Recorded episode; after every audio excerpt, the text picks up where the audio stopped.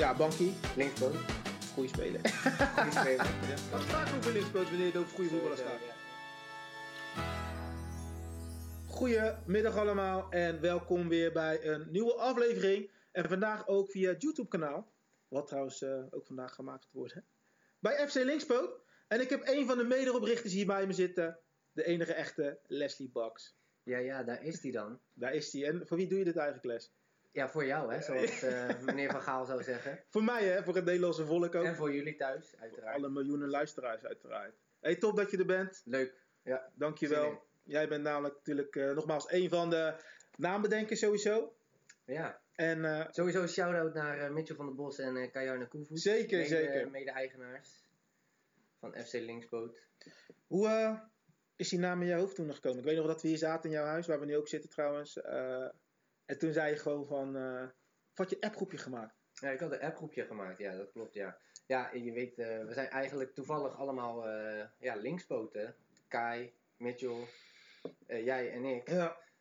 Dus ja, en in die fase was het ook altijd een be- beetje gebruikelijk om woordgrapjes te maken. En ja, daarbij kwam eigenlijk FC Linkspoot, omdat we eigenlijk alle rechtspoten een beetje daarmee eh, op afstand hielden. en, eh, ons Dat is wel goed gelukt op afstand. ja, ja, ja, ja, zeker. Dus, eh, en tot zover een aantal jaren, dus ik, we praten denk ik over tien jaar of zo. Ja. Denk. Dus het is een mooi jubileum om de podcast ook in de, met beeld en geluid nu te doen. Zeker. Dus ook nog heel erg bedankt voor Serena voor haar hulp vandaag. Dus Yes. yes. Hey, top man. Hey, we gaan vandaag een aantal zaken bespreken, want er gebeurt gewoon fucking veel als ik het mag zeggen. Ja. Afgelopen tijd. Drukke zomer geweest. Mhm.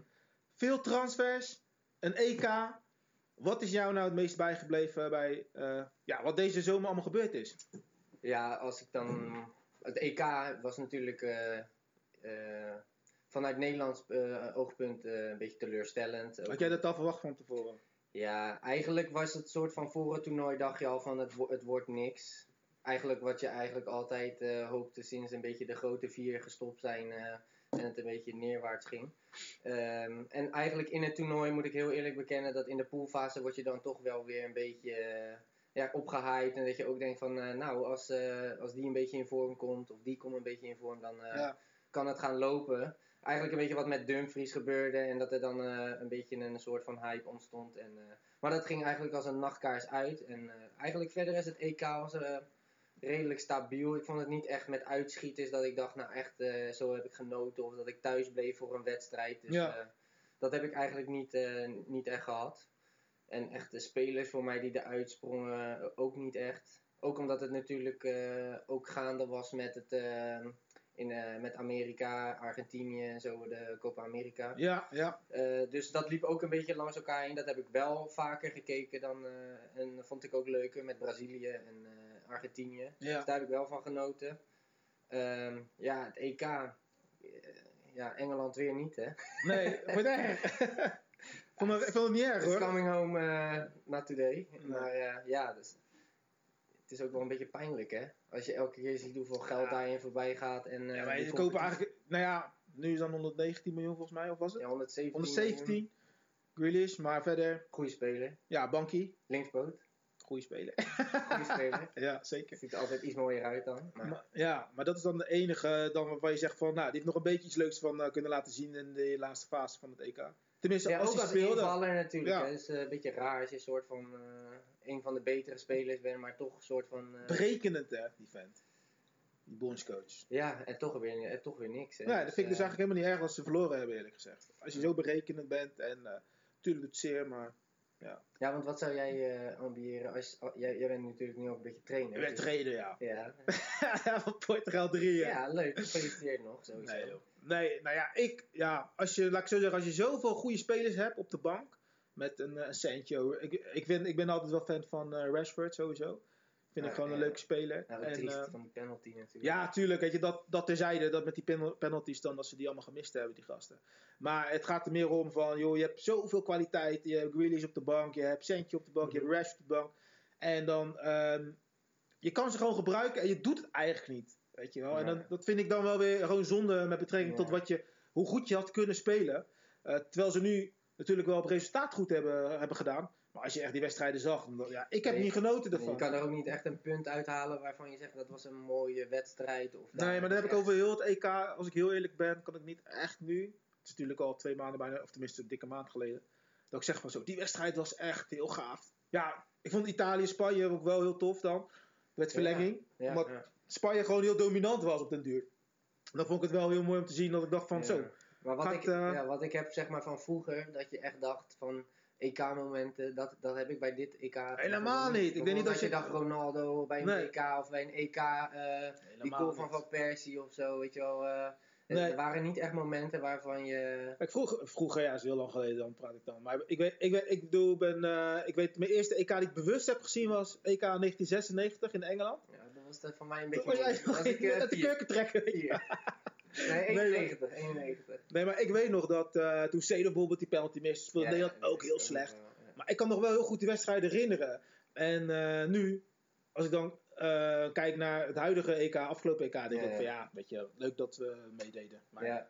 nee. Ja, zo gingen we er ook een beetje in natuurlijk. Hè. Van, Ja. we zitten wel in een makkelijke pool, maar daarna wordt het kansloos. En dat is, eigenlijk viel dat nog wel gunstig uit met de loting die, die we hadden natuurlijk. Maar Ja, in de wedstrijd zelf, eh, ja, viel tegen. viel erg tegen. Ja, dat was het eh, EK een beetje samengevat. Ja. Ja. Laten we het EK ook nog gelijk achter ons laten, Ja. want het is voorbij, het is geweest. Ehm, verder deze zomer. Ja, er is maar één, één echt eh, item wat, wat, voor mij belangrijk was. En dat was eigenlijk de soap rond de grootste speler aller tijden. De beste van de beste. allerbeste linkspoot. Waarom, wat vind je nou van die keus? Of laat ik, laat ik het anders zeggen, we gaan even bij het begin beginnen. Veel gezeik in Barcelona. Ja, we hebben het over Lionel Messi. Uiteraard. uiteraard. Het is een shirtje van Ja. dit mooie clubje. Ja, die gaat hij verlaten. En toevallig heb ik hem aan. eh, Ja, gelijk hè? Hij gaat, Je had hem al, hè? Ik ben niet echt een voetbalshirtdrager. Deze heb ik toevallig eh, van mijn kleine neefje Mitchell de Wit gekregen. Ja. Dus eh, ik dacht voor deze podcast Zet hem ook in het zonnetje. mag Paris Saint-Germain... Maar ehm, veel ge- ge- gebeurd. Barcelona nog steeds, afgelopen periode veel nieuws natuurlijk met, eh, met alle financiële zaken wat gewoon niet, eh, niet lekker zit daar. over de miljard... eh, Schulden, Ja. ze moeten hem nog betalen. nou ja, die loyaliteitbonus. Ja, wat, wat, van vijf- 53 wat, wat vind je van heel het gebeuren, hoe, het, hoe heel het traject verlopen is, zeg maar? Nou, ik vind het een beetje dubbel, omdat je wordt natuurlijk, wat wij lezen dan als leken, Ja. zeg maar, de buiten, dat wordt zeg maar, ja, allemaal naar buiten gebracht eh, vanuit eh, meerdere kanten. Dus het echte eh, eerlijke verhaal hoor je natuurlijk niet. En het is ook makkelijk om te zeggen van, op de ene dag staat hij te huilen bij een persconferentie en Ja. was Barça ze alles. En hebben ze hem niet kunnen behouden. En twee dagen later zit hij bij, in, in Parijs, zeg maar, kon, kon, kon het niet op, bij wijze van Ja. spreken, wat mensen dan zeggen. Maar ja, die jongen heeft misschien ook eh, opties gekregen en eh, zijn ook beloftes gedaan. eh, ook naar de fans toe bijvoorbeeld. Van, Ja. ik ga hem behouden, terwijl je al wist dat hij niet kon blijven. En ja, als bijvoorbeeld be- spelers als Piqué nu nog steeds loonoffers moeten doen om Memphis Depay een dag van tevoren in te kunnen laten schrijven, is natuurlijk wel een beetje Droevig, of een niet? beetje droevig, ja. Ja. En het haalt wel een beetje de. Ja, ik had voor Barcelona ook voor Messi al wel een beetje een zwak. Ook mede door de spelers natuurlijk die er Ja. speelden. Maar ook gewoon heel de, dat Spaanse en dat eh, ja, mooie, mooie stadion. En het liedje. bij wijze- Ik, ik hou altijd van die kleine details. Weet Ja. je wel. Zoals eh, bijvoorbeeld die, die, dat, die song was alweer als veld opkomen of zo. Het, het had iets speciaals. Mhm. En dan met de speciale spelers ben ik in de afgelopen tijd, eh, of jaren eigenlijk wel, eh, nou daar praat ik echt over misschien wel acht jaar, wel altijd bij wijze van spreken voor thuis gebleven. Of dat ik in de avond dacht om tien uur s'avonds op zondag, eh, ik ga toch wel gewoon Even kijken. lekker kijken. Ja. En, eh, Ga je dat nu nog steeds doen? Nou, dat is dus, eh, dat vind ik wel echt lastig. Want afgelopen zondag was natuurlijk alweer de eerste, eerste wedstrijd. En die Ja. heb ik bijvoorbeeld dan niet gekeken. Nee. Dus ja. Ga Dus- je, ga je het missen, die tijd dan? Ja, tuurlijk, maar dat was natuurlijk al met, met natuurlijk het afscheid van Iniesta, of Xavi als eerst natuurlijk. Toen voelde je al een beetje de scheurtjes erin. Nou, toen kwam gelukkig eh Rakitic, die vulde dat nog goed in. En hebben ze een paar mooie jaren gehad met een eh, goede voorhoede vooral. Eh, ja, en toen Iniesta wegging, toen merkte je natuurlijk al dat het tijdperk waar ik verliefd op was... ja, Was dat, was dat tijdperk na Guardiola of nog tijdens Guardiola? Nou, Of- het was wel, ik volgde Messi zeg maar eigenlijk al toen met dat, was het onder 19? Hier is Nederland hier zo. Ja, in Nederland. Ja, dat WK onder was het 20 volgens 2000 mij. of zo? Nee, dat was wel een stukje later. 2006 of zo. 2004. 2000, ik weet het niet. Ja, volgens mij Nou, in 2004, ieder geval, 2005. eh, toen, wat, ik was nooit echt zo van, ik had ook bijvoorbeeld niet alle kanalen om te kunnen kijken destijds. Dus Ja. destijds toen dat eh, jeugd-EK of een WK in, eh, in Nederland plaatsvond, toen waren spelers zoals Messi, Fabregas, dat waren die young talents, zeg Ja. maar, waar ik ook op FIFA mee Wie speelde. had Nederland toen dan? Volgens mij was het Affelay. In dat toernooi. Ja, dat kan, Kan wel dat qua, qua leeftijd denk ik wel En, eh, eh, een weet beetje die andere vergeten? Aysati? Aysati, ja. En Quincy Owusu. Ja, ja, ja, dat is een Oh, mooie speler eh, was Ja. dat ook. Maar, ehm, Ja, dat was eigenlijk de eerste keer dat ik in aanraking kwam met zeg maar dat soort spelers. En die kwamen allemaal een beetje uit, eh, uit Spanje. En, waarvoor ben je niet voor Real geworden trouwens? Want je zegt die kleine details, details. En eh, als ik dan... Pascal Rama gaat dit ook horen, hè? Die, Ja, eh, ja, ja, ja, ja, die echte Madrileen in ieder geval. Qua, ik weet niet, eh, misschien ook een beetje eh, omdat Real Madrid is ook, was destijds, leek het alsof Real Madrid alles kon kopen. En Barça een beetje ook misschien vanuit die revolutie van Cruijff altijd Ja. maar moest opboksen tegen de, tegen de gevestigde orde of zo. Misschien vond ik dat heel erg eh, grappig. En natuurlijk ook dat eh, Koeman eh, eh, destijds belangrijk was. En dat er heel veel Nederlands elan kwam daar. Ja. Eh, en eigenlijk pas later kwam die... Volgende, volgende neem nog een shirtje, hè? Toch over die tijden te hebben. Zo, ja, zo Deze? Gouden, gouden ouwe, ja. ja, ja. Deze had ik... eh, allemaal nog. ik, had, eh, ik had deze bijna elke dag op school aan vroeger. Was nog wel een zweetstukken trouwens. Heb eh, ook veel Nederlanders in. Ja, Cocu, Ja, dit- die tijd. Ja, dit was ervoor. eigenlijk een beetje gelijk aan eh Cocu inderdaad. Dit was. Cocu. Echt Zo'n Cocu shirt. Ik moet altijd eh, denken aan eh, eh, Chelsea-Barça, ook rond 2000. En Chelsea won met 3-1. En Chelsea had Ed de Groen nog in de goal en zo. ja. En eh, Van Gaal was trainer van Barça toen. En eh ja, Barça had toen Kluivert, Zende, eh, Zende, Cocu, Figo, Rivaldo. Die generatie, Guardiola zelf natuurlijk. En ja man, dit is, het- dat, dit is de tijdperk. Ik, ik was toen al, ik Mooi was shirt, wel echt wel fan toen de tijd. maar mede door de Nederlanders. Ja, ik, was, ik moet zeggen, toen Seedorf bij Real zat, eh, vond ik Real ook wel heel erg leuk. Toen won Real trouwens de Champions League tegen Juventus. Nee, Seedorf tegen Davids clash toen Ah, de hele tijd. Dat was wel tof. En eh, toen vond ik eh, Real gewoon heel leuk om te zien. Maar ik had toen niet echt een voorkeur. Maar toen ging heel Nederland zelf, toen ging ik toen de tijd van 98 bijna ging naar Barcelona. Of zat er al deels. En toen had ik wel echt wel heel veel met Barça. Dat ik dacht van ja, daarvoor ook al hè. Maar eh, niet, ik, ik had niet echt direct een voorkeur eigenlijk. Eh, maar ja man, dit, eh, dit shirt heb ik toen wel gekocht toen in 2000 ongeveer. Ja. ja, eigenlijk voor mij die echte liefde was ook pas ontstaan voor het spelletje toen een beetje die tiki-taka kwam. Ja, En, eh, Guardiola de Ronaldinho vibe. Ook, eigenlijk misschien wel net onder Messi wel de meeste waar ik soort van genoot. Als ik, kijk, Ja. ik kijk echt voor plezier. Misschien is- dat ook wel een beetje inherent aan linkspoten. Voor mij moet creativiteit in voetbal, entertainment staat echt hoog bij, eh, bij, bij mij op. Heb je nu nog een ploeg waarvan je vindt van, daar kan ik nog wel van genieten als ik er naar kijk? Ja, la- lastig. Ik, het is niet dat ik ervoor ga. Weet je wat het was met, eh, om weer terug naar Barça te gaan? Je gaat zitten en het is soort van. Je gaat een film kijken waarvan je eigenlijk al weet waar je zin in hebt. Heb je dat niet met... eh, Manchester City. Nou, misschien omdat ik me niet echt eh, met de spelers. eh, bijvoorbeeld een eh, hele goede speler, Kevin De Bruyne. Hele goede speler vind ik. Maar ik heb er niet zoveel mee. Het is Nee? niet dat hij di- dingen doet waarvan ik denk, oh. nee? En dat had ik bij Barça wel heel ik heb dat erg. wel met de hoor, even tussendoor. Eigenlijk zijn er maar twee teams bij mij waar ik eigenlijk bij wijze van spreken echt op het puntje van mijn stoel ging zitten. En dat was met Brazilië.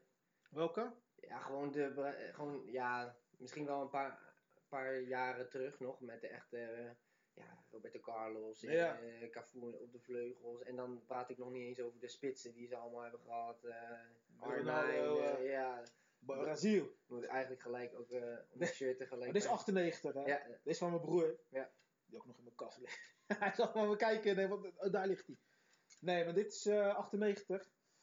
Cafu, Roberto Carlos en die generatie natuurlijk Ronaldo. de- ja, ja. En, eh, Oké, Ja, maar dus daar heb je dus nog wel maar- voor. Ja, eigenlijk maar twee teams eigenlijk waarvan ik denk van... eh, daar heb ik echt van genoten dat het eh, bij wijze van spreken niet in je vinger staat af te likken. Dat Ja. het zo... eh, er gebeuren dingen waarvan ik denk, daar kijk ik voetbal voor. Weet je wel? Bijvoorbeeld eh, wat nu heel erg hip is met dat gegenpressing en... Ja. eh, Daar heb je niks mee hè? Niet, niets mee. Ik vind het hartstikke knap. En ik hou ook heel erg van, eh, omdat ik ook een sportachtergrond heb, met mensen die bijvoorbeeld heel erg kunnen pieken in bepaalde dingen en heel hoog, eh, ehm, eh, ja, eigenlijk met die computerstatussen omhoog kunnen doen. Bijvoorbeeld net zoals een Frenkie de Jong of zo, wat je nu hoort, wat hij allemaal loopt en zijn accuratie qua passing, Mm. et cetera. Allemaal super mooi. Maar ik wil niet dat, dat dat gebeurt rond de eigen cirkel, weet je wel. Ik wil dat dat gebeurt Die eh, eindfase. in die eindfase. En dan, en dan gaat een soort van, eh, moeten dingen gebeuren die eh, dingen forceren en zo, weet je wel. Dus daar hou ik heel erg van. En eh, ja, als er dingen gebeuren waarvan ik denk zo, dat had ik zelf bijna niet kunnen bedenken of zo. Of ik had het nog niet eens kunnen uitvoeren, maar bedenken, laat staan dat. Ja. eh, daar, daar geniet ik van. En dat loopt heel erg uiteen van echt die Braziliaanse type spelers. Maar bijvoorbeeld ook wat ik vroeger echt een, eh, een, ja, een idool vond, was het ook weer niet. Maar echt een speler wat ik echt tof vond om naar te kijken. Ook gewoon om de, alle de details eromheen. David Beckham bijvoorbeeld. Oké. Gewoon niet per se omdat hij een superster was. Dat, dat Dat is hij sowieso wel. natuurlijk. Jawel, tuurlijk wel. Maar dat was aan het begin natuurlijk nog niet, nog niet echt per se. Nou, maar de, de openingen, de trap, de manier van lopen, weet je wel. eh, Ik vond dat, eh, de manier van de vrije trap nemen, dat soort dingetjes vond ik leuk. Dus eh, ja, en dat was dan sierlijke niet... voetballers. Ja. Ja. misschien ook omdat ik zelf niet per se heel erg sierlijk ben, maar eh, vond ik dat heel mooi om te zien. Dus eh, dat hele recht toe recht aan werk vind ik niet zo, niet zo spannend. Dus daarom vind ik het ook leuk dat bijvoorbeeld een verdediger, een centrale verdediger, bijvoorbeeld à la Koeman gewoon in kon dribbelen en de paas kon geven die niemand kon geven. En dan ook gelijk een aanval kon, Kon opzetten. kon opzetten. En dat zijn dingen waarvan ik denk dan, dat is de crème de la crème. Daar Ja. kijk ik graag naar. Ook naar sport. Het maakt niet uit welke sport. Dus eh, voetbal is omdat ik zelf een voetbal, een voetbaljongetje was. En eh, ja, eigenlijk met alle sporten. Dus of we nou over basketbal, weet ik. Ik vind het leuk om de top te zien. En Ja. dan, Dus je hebt ook al genoten van die docu van de Chicago Bulls. ja, Michael Jordan. MJ, ja, Ja, ja, ja. Daar zie je eigenlijk ook... Kom een keer van Beckham, hè? Willen ze maken in ieder geval. 23, ja, ook 23, ook toevallig. Hè? Ja, Mooi dus dat nummer. is wel gek. Ook Dat een van mijn favorieten. Als ik een rugnummer heb, is altijd 10 of Het is 23. Berghuis. ja, dat is eigenlijk, eh, om gelijk op de actualiteit in te springen, natuurlijk ook een eh, pikante transfer. Zo, zeker, deze, zeker. Heeft wel veel mensen Ja. geïrriteerd. ja, jullie zijn meer eh Feyenoorder allemaal dan, eh, dan Ja, dat ik dat Wil ben. ik daar zo meteen een vraag over stellen. Maar eh, als we nog even hebben over Paris Saint-Germain. Wat denk je dit jaar? Ja, dat Kampioen en Champions League? Kampioen überhaupt? Want ze zijn vorig jaar geen kampioen geworden. ik, ik hoop gewoon, ja, ik hoop gewoon voor Messi dat hij gewoon eh, de Champions League wint. En dan hoeft hij denk ik nog niet eens kampioen te worden. Maar dan gaat hij natuurlijk eh, mede door het winnen van de Copa America natuurlijk wel gewoon die zevende eh, gouden zou bal. wel gek zijn. Ja, en als eh Modric bereid is om die andere nog even te geven, want die weet hij ook donders goed dat hij die, dat hij die niet... Ik denk, waar heb je het over? Waar heb je het over die bal die die vond? ja, dat kan je nog jaar, steeds niet hebben natuurlijk. Dat, Ja. Nee, maar dat. eh, leuk natuurlijk een keer in, in andere spelen. Maar hij zal denk ik ook donders goed weten dat eh, hij speelde een heel goed seizoen en een heel goed jaar. Eh, maar maar ja, Hij verdient hij moet hem eigenlijk gewoon ge- ja, geven. En, maar hij heeft er toch zeven, weet je wel. Ja, maar het had het eigenlijk wel meer, meer moeten zijn. En, ik hoop dat als Messi nu Maar denk je die dat... zevende pakt, dat het ook gewoon even klaar is nu met die vergelijking. Denk je dat Paris Saint-Germain, ehm, ja, dat zij nu echt verplicht zijn om de Champions League te winnen? En denk je ook echt dat zij het vermogen hebben? Maar waren ze dat vorig jaar ook al niet met, eh, met het eh, verlengen van Ja. eh, Neymar en Ah, ik, heb, ik heb het niet zo erg op Paris eerlijk gezegd. In de zin van gewoon dat de het... zelf? nou, meer het heel het team is... Ik heb misschien nu... Dat ik denk, ze hebben Wijnaldum erbij. Weet je, ik vond het middenveld vond ik daar altijd weer een beetje zoekende. Hè? Maar deze Maar dat is Marquinhos... toch hetzelfde met City altijd? Ja, Ehm, City nou, is ik- toch eigenlijk een beetje, de- ik vind Nee, ik heb het niet over wel- kopen, hè. Ik heb het puur over eh, Ja, ook dat gewoon ik... de uitstraling en de historie, weet je wel. Als bijvo- bijvoorbeeld Ja, eh Paris 15 jaar geleden nog eh, eh, Paul Bosveld eh Daar is dit shirt nog hé. heb je die gekregen van Paul. Big Paul. Nee, ik heb Ja. een... eh, ik vind... eh, nee, wat was nou je vraag concreet? Nee, jij vroeg aan mij of Ja, Paris of ze verplicht zijn om de Champions League te ja, winnen, Ja, dus ik, ik vind dat, ze, dat geen één club verplicht is te winnen. Ik nee, wil- maar nu met die investeringen. Gewoon even als je het Ja, gewoon zwart... maar dan ga je het zakelijk kijken. Ja? En ik ben niet die guy die zakelijk kijkt. Ik ben degene die kijkt om...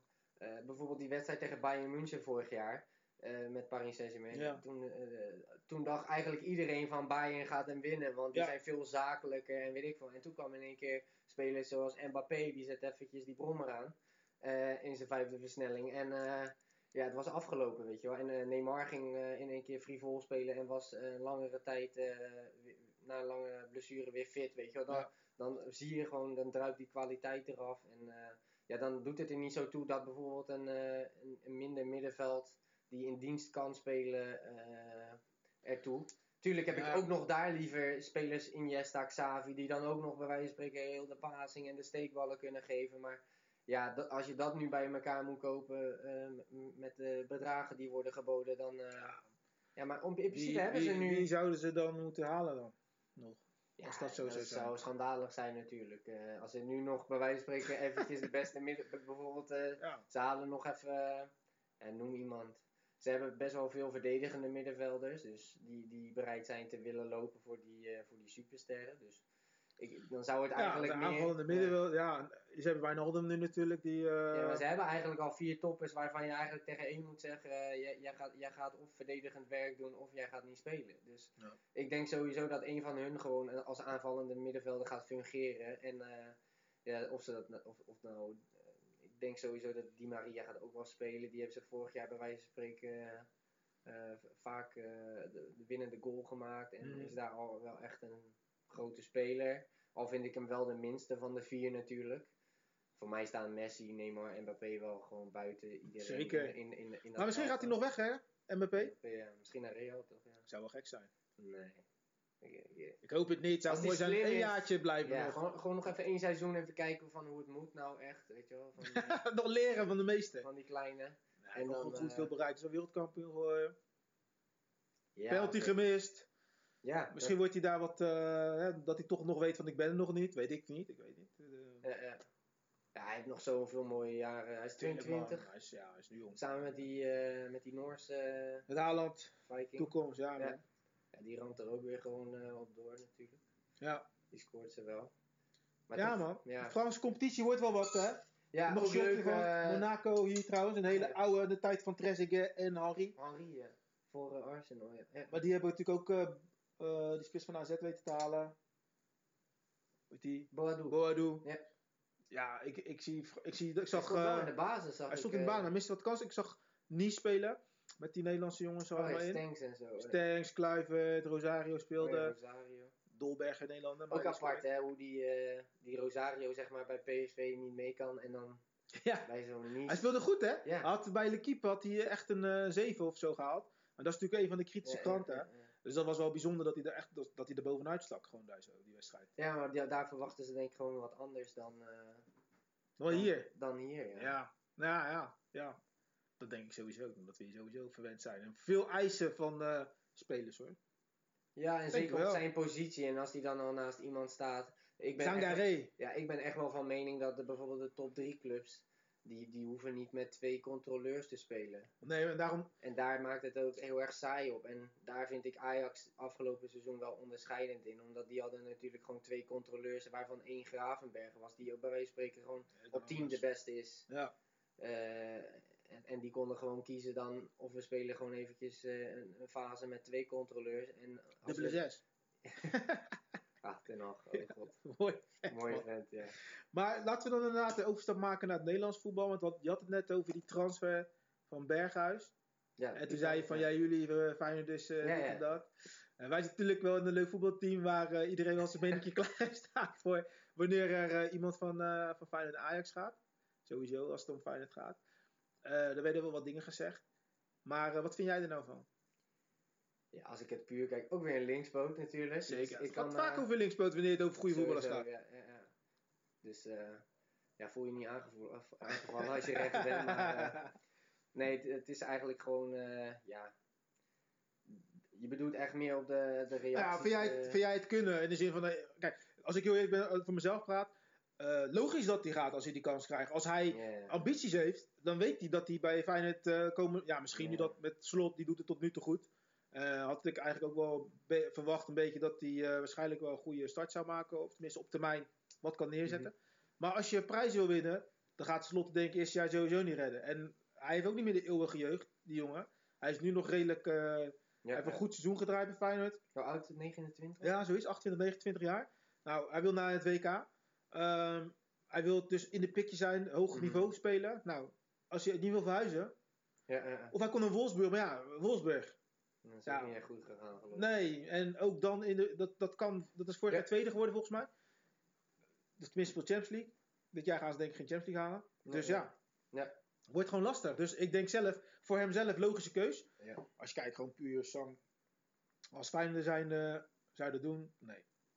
Ja, het is gewoon een pikante eh, transfer. Zoveel. Vooral, ik denk vooral eh, de mensen van buitenaf. Van Rotterdam naar Amsterdam. Ik denk andersom dat het iets minder beladen is. Dat komt omdat ze bij Ajax zoveel winnen, dat ze het niet zo heel erg vinden als een minder. Er gaat geen, gaat geen topspeler van Ajax gaan naar Feyenoord. Nee, dat zou. eh, Nee, maar dat gebeurt niet. Bij Feyenoord gebeurt het nu dus wel. Dus dat is natuurlijk het probleem. ja, bij Feyenoord was het destijds Kenneth Vermeer of zo. Ja, Ja, maar dat is een bankie. Dus ja, Charisteas.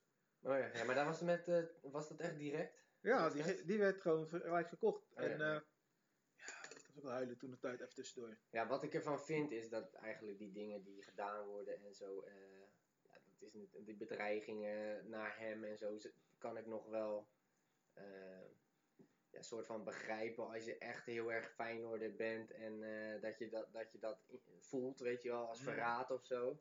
Omdat je daar zo, zo mee verbonden bent. Ik heb dat totaal niet echt, eh, dat ik hem dat kwalijk neem. Ik denk dat ik er meer sta, in sta als jou, weet je wel. Hij is heel erg ambitieus. Hij- Bij Feyenoord is hij de beste. Hij, op elke training zag je ook de irritatie vaak. Had Ja. hij toch ook van die uh, Als een keertje gevochten met eh, Sven van Beek. ja, Dat soort dingen. Met wie?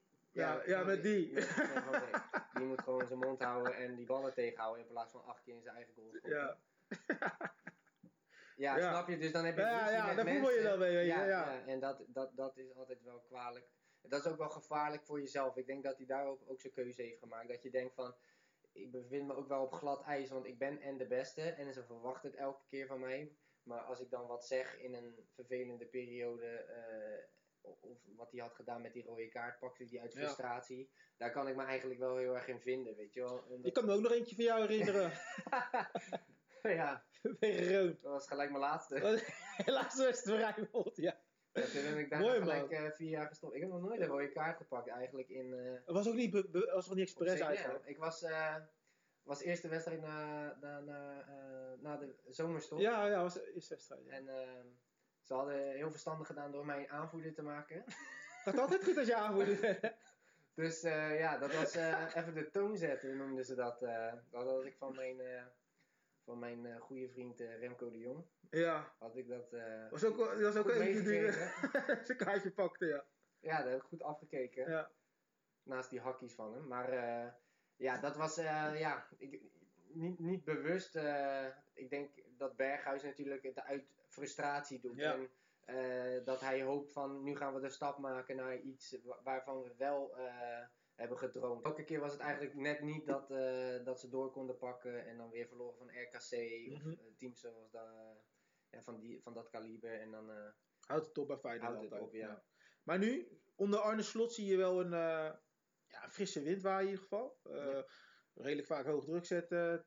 Goede centrale verdediger vind ik trouwens gekocht in ieder geval. Ja, Guus Steel. vind- Guus Steel, ja. Ik denk dat dat ook natuurlijk bepalend is, omdat die heeft al volgens mij met eh, slot Ja, bij gedaan AZ. En eh, dat hij soort van wel de bewaker is van de intensiteit die geleverd moet worden van, eh, eh, van dat voetbal wat hij, eh, wat hij wil spelen. Heel veel energie, Mhm. is voor de goal. Eigenlijk alles wat die Kokju eh, niet, Niet kan. Ja. En misschien dat die nu wel de ruimte moet gaan pakken om wel te doen wat hij kan. Weet je. Hij moet nu wel, eh, omdat hij niet mee kan in dat lopen en dat druk zetten, Ja. dat hij nu eigenlijk dat Guus Til en eh, ja, wie is vaak de, de derde Ja, je hebt Toornstra, je hebt nu natuurlijk die, eh, die, die Noorse naam kan ik niet eens uitspreken. Die Oh ja, Frederik. die, die speelde ook wel goed, hè? die speelde goed, ja. Lekker, lekker tiki-taka voetbal. zeggen. Op zijn Feyenoord. Ja, ja, ja. Dat mag zeggen, mag Feyenoord en tiki-taka voetbal natuurlijk niet eens Nee, maar die Kokju, weet je wel, met alle respect, als, als je nummer 10 bent en nummer 10 vraagt, want Ja. vind ik ook best wel, die, het is niet dat die jongen eh, tien, tien goals maakte en de, Zeker niet. de Hij staat nu wel iets erachter. Hij is niet echt op 10, hij staat ook een beetje verdedigend. eh, op. Ja, maar met zijn kwaliteit, hij is best wel klein, hij is geen loper, weet je hij, hij is ook geen paser, dat hij, hij heeft wel een, oké trap, maar Ja. het is niet dat hij vijf keer per wedstrijd à la Toornstra, Toornstra vind ik wel trouwens die dat eh, veel heeft de afgelopen weken, dat hij gewoon mensen voor de goal eh, Ja. met een voorzet Ja. of eh, voor, de, voor de keeper zet. En Tegen Willem II heeft hij echt uh, Tilvel met twee, drie keer voor de goal zo. Ja, kop, kopballen en dergelijke. En dat heeft die Kokju gewoon niet. En het hij heeft geen steekpaas of... Hij denkt van wel, hè. Ja, ik zie hem echt. dacht ik ook. Soms ook, ja. ja, de eerste weken zie je misschien, toen hij net debuteerde, zie je, weet je wel, dan Ja, zie je vaak wel van, oh, deze jongen heeft wel wat creativiteit, die kan iemand voor de goal zetten of wegsturen. Ja, Dacht weet, ik, Weet maar- je waar hij me een beetje aan doet denken? Aan eh, het begin van eh Tony Vilena. Toen Tony Ja, Vilena ook ja. dacht dat hij een Dat dacht ik ook toen, eh, ja, En, en, goede vergelijking. ja, en die Vilena had natuurlijk ook het idee dat hij een team was. Maar bij hem is eerder het balletje gaan rollen. Volgens mij ook toen hij een, een keertje in aanmerking kwam voor Oranje. Dat het, dat het eigenlijk meer een, Verdedigende een, een Davids Ja. moet, moet zijn. En Ja. dat hij gewoon hard moet ballen afpakken. Maar dat zie ik die uh, Kokshoe zeg maar ook niet doen. Nee, heeft hij niet, denk ik. Nee, en, en dan gaat hij denk ik echt wel een beetje eh, naast de pot pissen, denk ik. Wat denk je, eindklassering Feyenoord, als je het nu eh, eventjes eh, zou mogen... Kunnen voor, mijn mede voetbalteamgenoten hoop ik wel derde. Ja, Maar ik eh, moet ook heel eerlijk zeggen, de nummers 3 tot en met 6 zal om het even zijn, denk Ja. ik. Ik, denk, ik ben ook niet zo heel erg gecharmeerd van Utrecht. Of eh, die hebben dan een- die kerk of zo, weet je wel. Ja. Die dan eh, een paar leuke eh, zondagmiddagjes heeft. Maar voor de rest denk ik dan ook niet echt toppers. AZ heeft veel, veel kwaliteit ingeleverd natuurlijk, wat we net zeiden. zeker. Ja, als je ziet dat Stenks weggaat, eh Boadu goals. Dat is eigenlijk alle goals. Ja. Daar hebben ze alleen die linksbuiten, die eh Scandinavische. Ja, die Carlsen, ja, die is wel aardig. Ja, verder Ja. blijft er vrij weinig over dan. eh, Wat me wel opvalt, zeggen ze altijd, Feyenoord kan niet goed verkopen, weet je wel, vanwege de naam Feyenoord, werd gezegd. mm, Weet je, voor mij ging Martin Zin die ook maar voor 8 miljoen weg toen. En niet dat ik zeg dat hij meer waard is, maar hij speelde net wel een WK, goed WK, maar volgens mij ging die ook naar Porto, hè? Niet naar. eh, Nou oké, dus Steven de Vrij ging naar Lazio. Ook voor, Ja, maar eh, dat is ook 8 geen. Inter, weet je wel. Kijk, Denzel Nee, Dumfries maar gaat ze- gelijk naar Inter. En, Maar ze hebben wel gewoon een, eh, een WK achter hun naam staan, weet Ja, je wel. Net een goed WK. Ehm, ja, maar Ron- ging naar Ron Vlaar- Roma. Ron Vlaar ook, en waar ging die heen? ja, maar Rolf Laar was in de 30, of die was tegen de nou, 30 eh, gegaan. speelde wel bijna Messi van de. Dat is waar. Ja, snap ja. Dus ja, Nee, oké, maar ik bedoel meer te zeggen, oké, dan gaan ze voor gemiddeld 8 eh, tot 10 miljoen weg, die jongens. ja, ja. Ehm, tuurlijk zijn het verdedigers in dit geval. Maar eh, ze zeggen, ze, Feyenoord heeft gewoon geen goede naam internationaal. Maar als AZ iemand verkoopt, dan gaat het altijd voor eh, boven de 15 miljoen of tegen de 15 aan. Of boven die Chris Ja. Jans, oké, topscorer van Nederland. Ehm, was ook volgens mij 25 Ja, maar miljoen. Volgens mij was Jurgensen. Ja, ook. Dat jaar was Jurgensen toch ook topscorer. Ja, 18 miljoen was hij toen. Ja. Lieten ze niet gaan. Feyenoord kan geen zaken doen. Ik ben benieuwd, Arnes vind ik wel eh, aardig. eh, eh, iemand met een mooie cv, weet je wel, die dat wel heeft laten zien dat hij het wel kan in ieder geval. Ja, hij heeft natuurlijk nu wel goede binnengehaald, maar eh, verkopen is. eh Is ook we een gaan nu maar eigenlijk iemand eh, naast Berghuis bedenken die. Senesi. Senesi. ja. Ja, die gaat misschien nog weg, las ik. ja, nou kan. Dan hebben we een probleem. Hmm, we. Feyenoord een probleem. Oké, nou maar Feyenoord, of, Ajax PSV? Ja, dat, dat was natuurlijk al een confrontatie. Die zijn Ja. natuurlijk vergeten. Die was ook afgelopen, eh, of twee weken geleden alweer. Ja, dat was eh, ook wel eh, verrassend natuurlijk. Omdat iedereen dacht van Ajax is best wel intact gebleven. Ja. Alleen die eh Traoré en nog eentje waren weg. Ja, keeper natuurlijk dan eh, niet, niet vanaf het begin erbij. Die Ja. Onana natuurlijk. Dat gaat denk ik ook niet meer... eh, Zeker niet. terugkomen. Maar in principe hebben ze het team intact gelaten van vorig jaar waar ze kampioen mee zijn geworden. En die Haller is dan een jaar gebleven. En eh, eh, Berghuis er natuurlijk bij. En dat viel wel tegen. Ik Ja. vond eh, PSV wel, wel eh, fris ogen. En eh, wat mij ook wel verbaasde inderdaad was die, eh die Madueke. Ja. Ja, dat was vorig jaar natuurlijk ook niet. Hè. Die Speelde wel gewoon goed, redelijk, eh, als je hem in zag vallen. Maar niemand had verwacht dat hij eh, in één keer dat zou Nee. doen. En dat hij dat ook heel, de, heel het jaar gaat doen. Zie maar hoeveel snelheid een wapen is gewoon. Als je, Ja, dat, als je dat hebt, dat je dan zoveel voor elkaar krijgt met je team. Ja, en dat is nu eigenlijk ook bij Ajax een beetje, denk ik, de ja, diepgang ook, hè? Ja, er niet. Ja, dus weinig. Die, die, Braziliaanse jongens zijn Ja. natuurlijk nog niet... eh zei ik ook al vorige Anthony keer. en ja. de rest. Maar als je moet kiezen nu, wie zou kampioen worden? Ja, dat is lastig. Ja? Ik denk dat ik toch voor Ajax ga nog. Ja, het zal om het even zijn. eh, ik weet ook niet of PSV nog eh, mensen gaat binnenhalen. Ze zouden er nog vijf spelers willen halen, begreep ik. Of, wie Ajax? Of? PSV. Of PSV, ja. Ja. En dan voorin... eh, Nog Luc de Jong willen ze halen. Ja. Maar die gaat dan denk ik niet spelen, omdat je hebt natuurlijk al Sahavi. Eh, wie nog meer? Je hebt Gapco. Ja, het is Gutsen. meer vooral achterin natuurlijk, want die Drommel gaat sowieso spelen. Ja. Achterin staan ze wel erg stabiel, man. Die Boskagli doet best wel aardig. is dat links centrale verdediger. Ja, die staat ook wel eens op middenveld. Ja, ja. Dan hebben ze Pruppen, ze hebben Van Ginkel, En wie staat dan rechtsback nu in plaats van deze. deze? Ja, daar ben ik Ja. niet zoveel gezien meer. Ik ook niet, maar die is wel degelijk. Linksback die Max heeft ook eh, gewoon uh, aanvallende Ja, in kwaliteit. de eredivisie praten we dan ook. Ja, over ja, ja. natuurlijk. Dus eigenlijk de clash wordt alleen... eh, die hebben denk ik maar vier wedstrijden waarvoor ze zich per jaar echt hard moeten maken. En de rest kunnen die backs van Ajax en PSV natuurlijk gewoon in de... Ja, die- aanvallen, Ja, ja. aanvallen Ja. en een beetje ondersteunen. En ja, dat, dat is wel het voordeel natuurlijk. Dat je dan eh, dat soort spelers kan neerzetten. Zeker, in plaats sowieso. van eh, echte rechtsbacks die... eh à la Bram van Polen gewoon niet over de middellijn komen. Aard van Peppe. Aard van Linksback. ja, man. Nee, sowieso. Hey, laten we de Nederlandse competitie afsluiten. We Yes. hebben Feyenoord gehad, we hebben Ajax PSV gehad en de rest is voor ons niet echt relevant op het moment. En we hebben nog een paar shirtjes hier hangen voor de mensen die Ja. kijken in ieder geval. Maar ik wil overgaan naar de Premier League. En we hebben daar drie shirtjes aan de linkerkant hangen. Van, ja, mijn eh, oude liefde zie ik al. Ja, man. Het zijn ook, Wat is eh, ermee gebeurd? We hebben het over Arsenal hier. Kan je even Ja. die shirtjes even laten zien? Ja, dit zijn twee shirts die zijn van mij en één van, eh, van jou, dus ook wat ouder.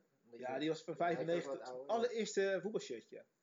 Van JVC nog. Ja, JVC, ja. En ja, maar kijk ook het embleem, hè? Dat is ook wel een ander embleem. Ja, die is in die Is jaren ook oud. En je ziet hier ook wat verschil met die kanon, zeg maar. Ja. Voor die kanon, als je het omdraait, zie je aan de onderkant zie je nog. Oh, Gunner staan volgens mij. Oh, ja, klopt, ja. ja, ja. Ja, ja, dat hadden ze wel een paar keer vaker gezien of ergens anders. Dit was het jubileumshirt. eh toen, eh, ja, eigenlijk eh, een beetje de laatste jaren was dat, dat ik nog echt wel eh, voor Arsenal was. Ja. Dit was een Was beetje... het met Chamak? Nee, ja, die speelde er wel al, maar dit wa- wa- was het laatste jaar van Robin van Persie. Oh ja. Eh, topscorer, eh, aanvoerder. Ja. En eh, ja, eigenlijk sindsdien wa- was het ook een beetje als een eh, nachtkaars uitgegaan. Het is wel een mooi shirt, hè? Ja, ja. Fabregas. Vond ik ook echt een hele goede speler destijds. Begon ook vroeg. Tof. Eh, maar eigenlijk, eh, ja, naast, eh, naast Barcelona, wat, wat echt een soort van waar ik voor keek uit plezier en eh, de spelers, was Arsenal natuurlijk ook zo'n team waar ik fan ben eh, van geworden door eh, de Invincibles. Ja. eh, de de spelers tijd. die, ja, die trokken me aan. Ook een van mijn favoriete spelers vroeger, eh, Bergkamp. Ja.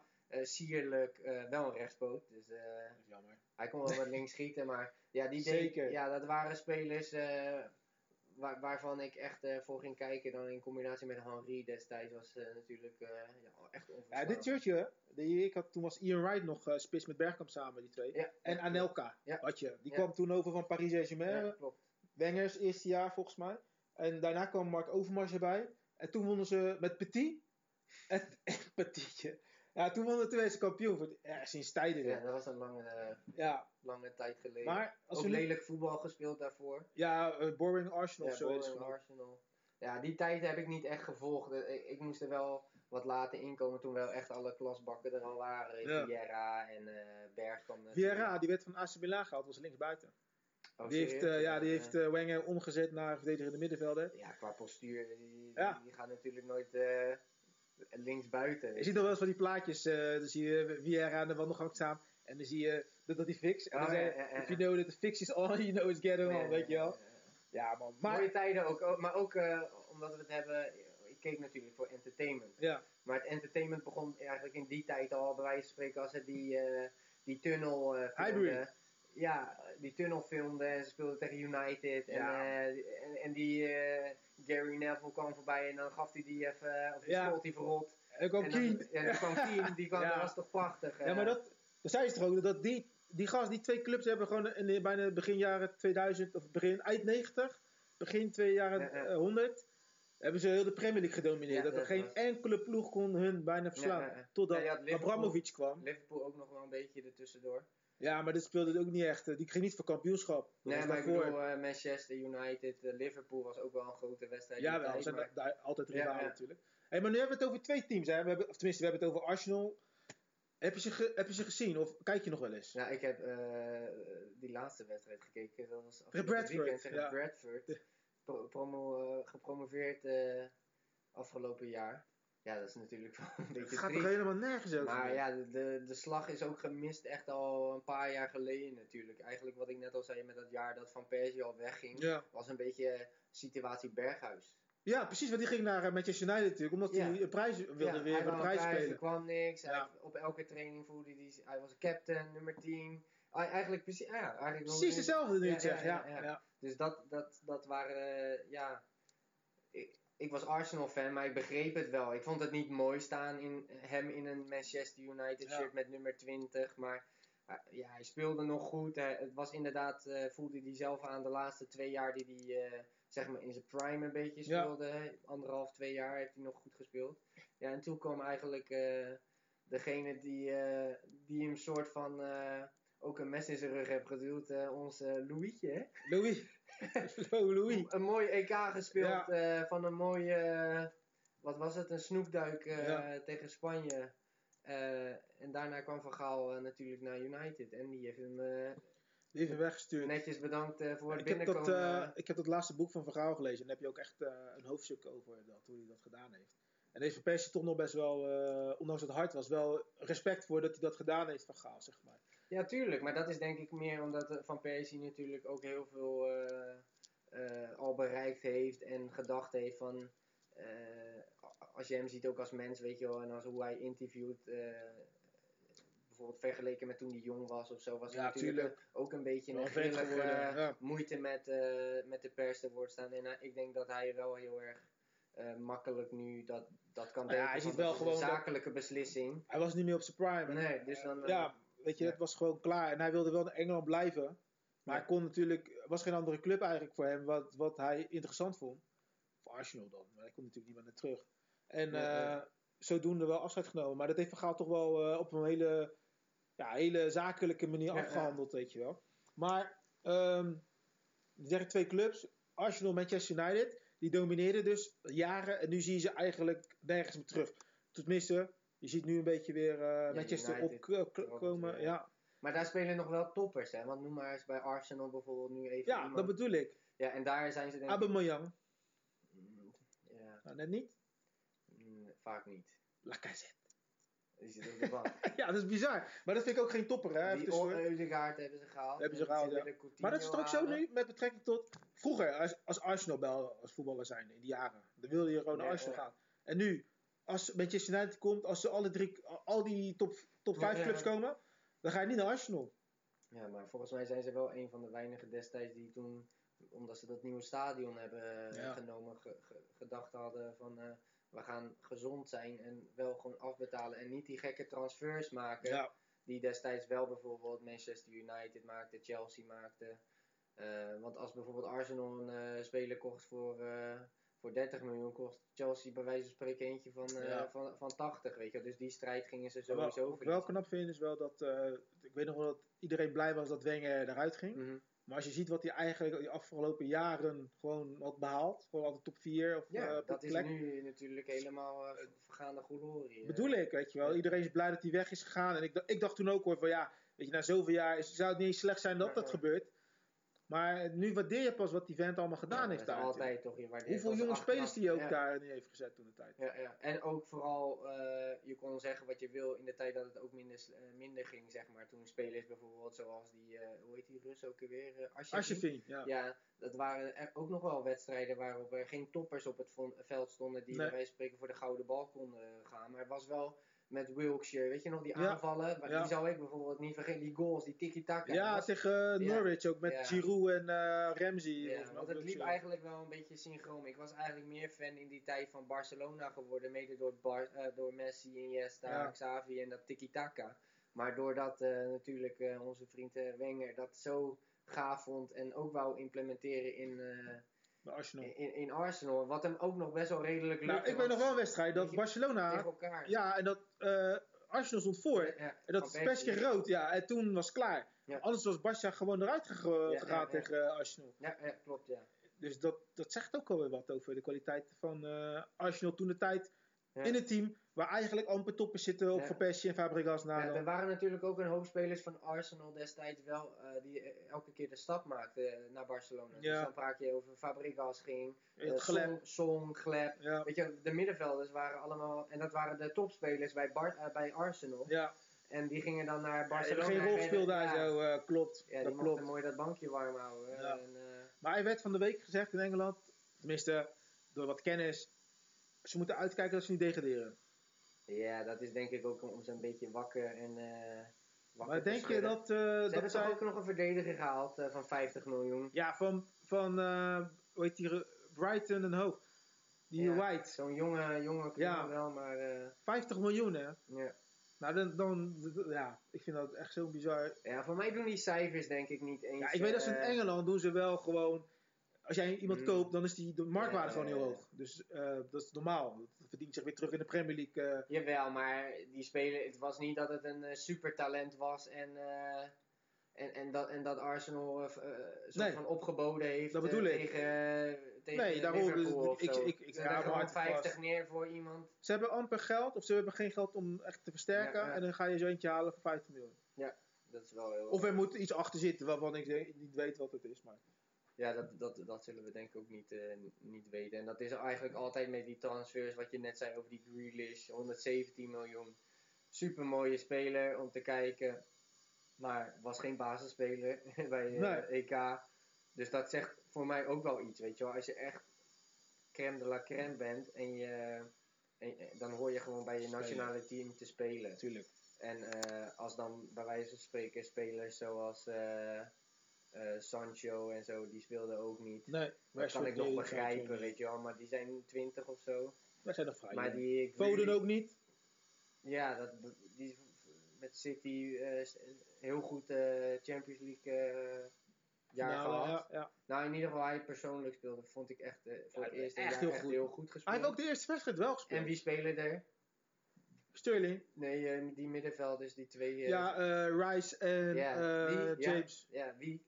Niemand Ja. kent die, weet je wel. En dan, die Ja. spelen volgens mij niet, ook niet bij de top, eh Nee, bij Leeds en bij West Ham. vier, top 4 of top 5, weet je wel. Ze spelen echt bij dat soort teams. En dan denk ik van ja, het is allemaal leuk dat je dan... Ja, eh, hij, heeft gewoon gekeken eh, wat statistisch gezien welke teams het verst Ja. komen en hoe zijn die opgebouwd. Op basis van data en zo. En daar heeft hij zijn team opgezet. Ja, en dat Zo min mogelijk tegengoals. Die teams komen te ver, dus dichtbouwen. Ja, ja, Zo heeft hij het eh, neergezet. ja, ja. Nou Ja, en dat zal altijd een beetje eh, tegen mijn... eh, Ja, je weet je van de vaart. Die heeft ook zo'n mening, toch? ja, ja. Ja. Mijn oude teamgenoten bij uh, Milplant Doen- ze hem ook. Ja? Ja? Raffi, ja. Niet, Ja. niet alleen denk ik door mijn voetbalskills, maar... nee joh, de Raffi. Nee joh, maar ja, het is wel zo. Maar oké, we hebben het over Engeland, hè? Manchester United. eh Arsenal gaat geen rol van betekenis spelen. Eh, nou, dan heb je Liverpool City. Ja, ik heb ook niks met Liverpool. Mede misschien door die tijd. eh, ik vind het ook wel leuk dat ik moet, ik moet iets hebben met een club. Er moeten bepaalde spelers zijn die me, die me aantrekken. En in Engeland was dat altijd Arsenal. Ja. En ik weet niet, eh, bij Liverpool dat jaar dat ze kampioen werden, waren ook ineens heel veel mensen die in één keer voor Liverpool eh, weer kwamen. Mhm. Misschien ook omdat het eh, hetzelfde uh, You Never Walk Alone, ja. Ja, een beetje dat Feyenoord Misschien dat gevoel, weet je wel. En, maar daarvoor heb ik ze nooit over Liverpool gehoord, weet je wel. Of dat Van Dijk in één keer de beste... Big Verge. Ja, Big Verge, ja. nee, maar dat, dat, dat heb ik dan niet zo. Omdat, ja, ik heb ook niet zoveel met bijvoorbeeld als je die drie eh voorste van Salah, eh Firmino, Firmino, eh, Sané. Mané. Ja. Maar eh, ja. ja, Mané naast elkaar zet, dan, eh, ja, dan, gaat mij, dan ga ik niet voor thuis blijven. Terwijl Maar wie, wel heel goed. wie denk je wat de meeste kans maakt om kampioen te worden van Engeland? Of wie denk je het eind van de rit daar staat? Niet met kans. Ja, ik denk toch wel City. Ja? Ja, wel. Nee, ik denk, ik denk ehm, Ze kunnen City of Chelsea. Ja, Chelsea, ja, ik weet niet, heb ik ook echt ni- ni- niks mee. Ik heb er niks mee, maar ik heb Maar ze ze weer hebben gezien. nog wel natuurlijk Lukaku gehaald, dus ze gaan sowieso wel goals. Ze hebben wel goals eh, ingekocht. En, en, Lukaku is wel echt, echt wel een van de beste spitsen op het moment. ja, ja, nou, ik denk wel, ja. ja. Ja, linkspoot. Echt de nummer 9 is, eh, ja, die heeft, die heeft veel. Die Werner heeft eh, veel snelheid en moeite met scoren. Ja, deze trainer gaat dadelijk weer gewoon rouleren, denk ik. En ik denk niet dat die Lukaku veel gaat rouleren trouwens, Nee, dat gaat hij niet ik pikken. maar die jongens erachter, achter Lukaku. En Werner kan ook achter Lukaku spelen natuurlijk. Ja, je vergeet natuurlijk ook dat misschien City nog eh, die Kane gaat halen. Dus dan, Ja, dan wordt nog een transferrecord dan. ja, Zou jij eh, dit ze- doen? Ja, ik, ik, ik heb ook niks met Ja, Kane. hij, is, hij is duurder dan 117 miljoen. Oh, echt? Ja.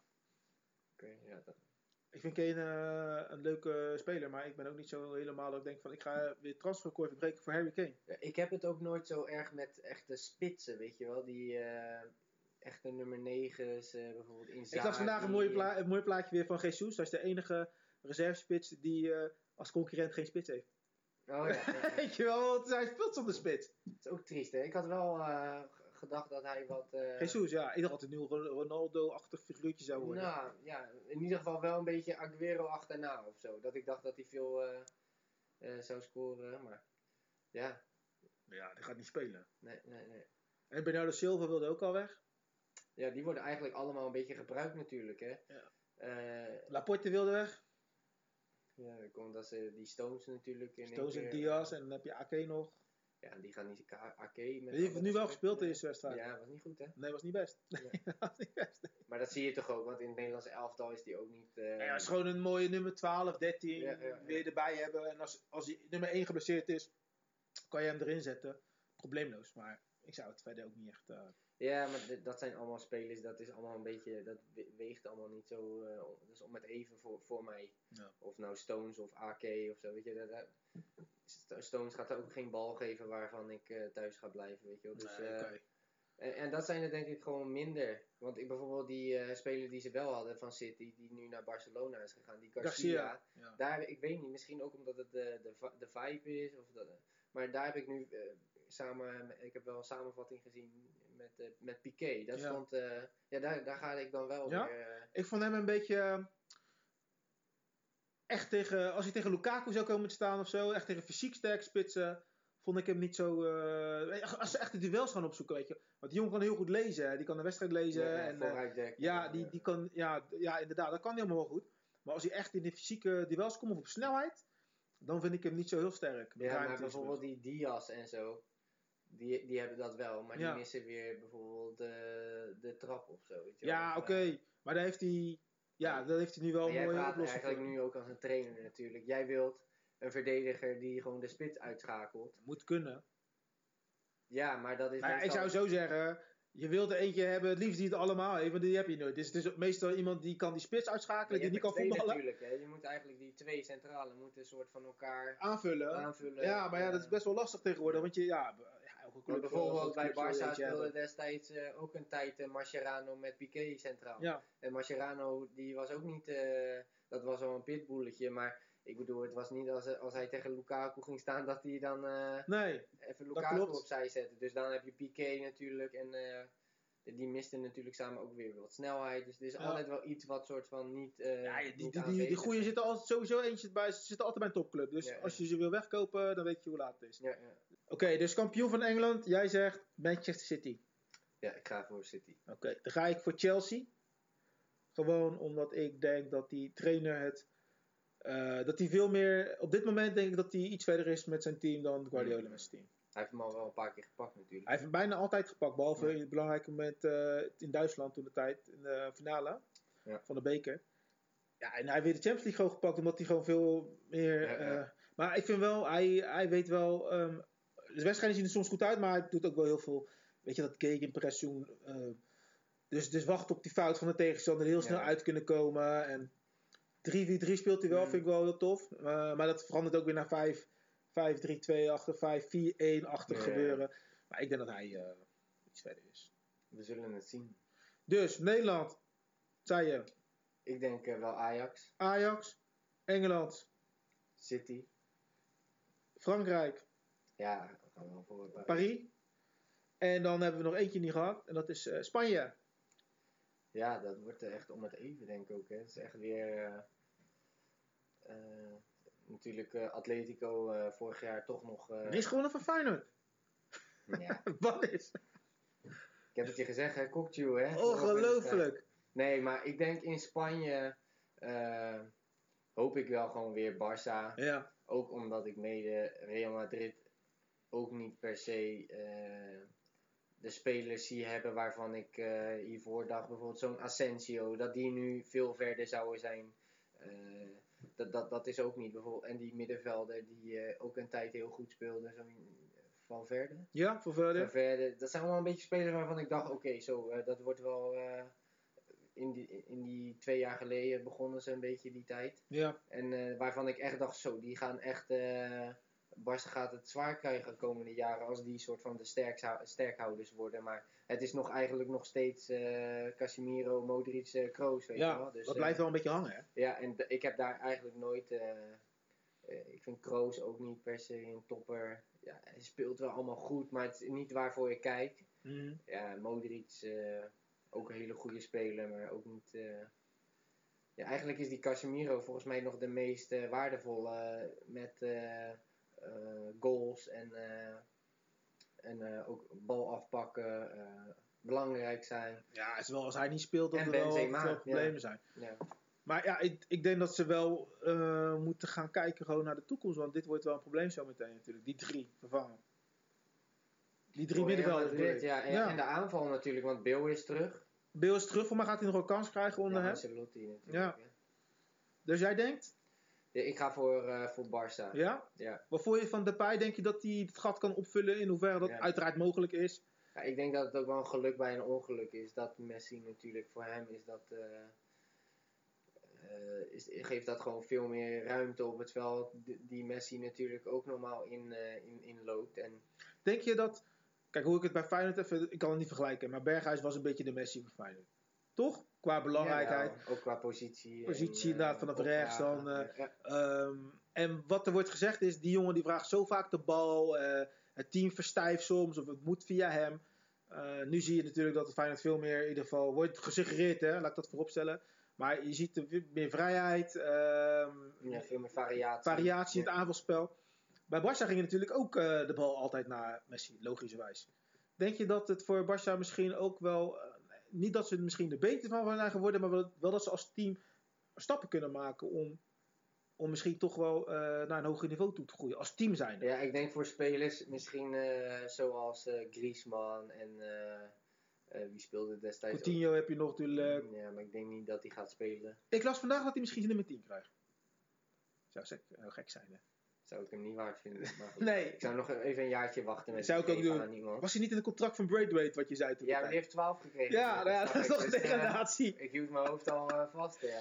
Ja. Dus met Martin Braithwaite dadelijk met nummer 10 bij Barcelona. Kan toch niet? Hoe kan je dat nou in zijn contract laten opnemen tussendoor? Ja, maar volgens mij heeft hij zelf ook wel ingezien dat hij dat niet moet doen.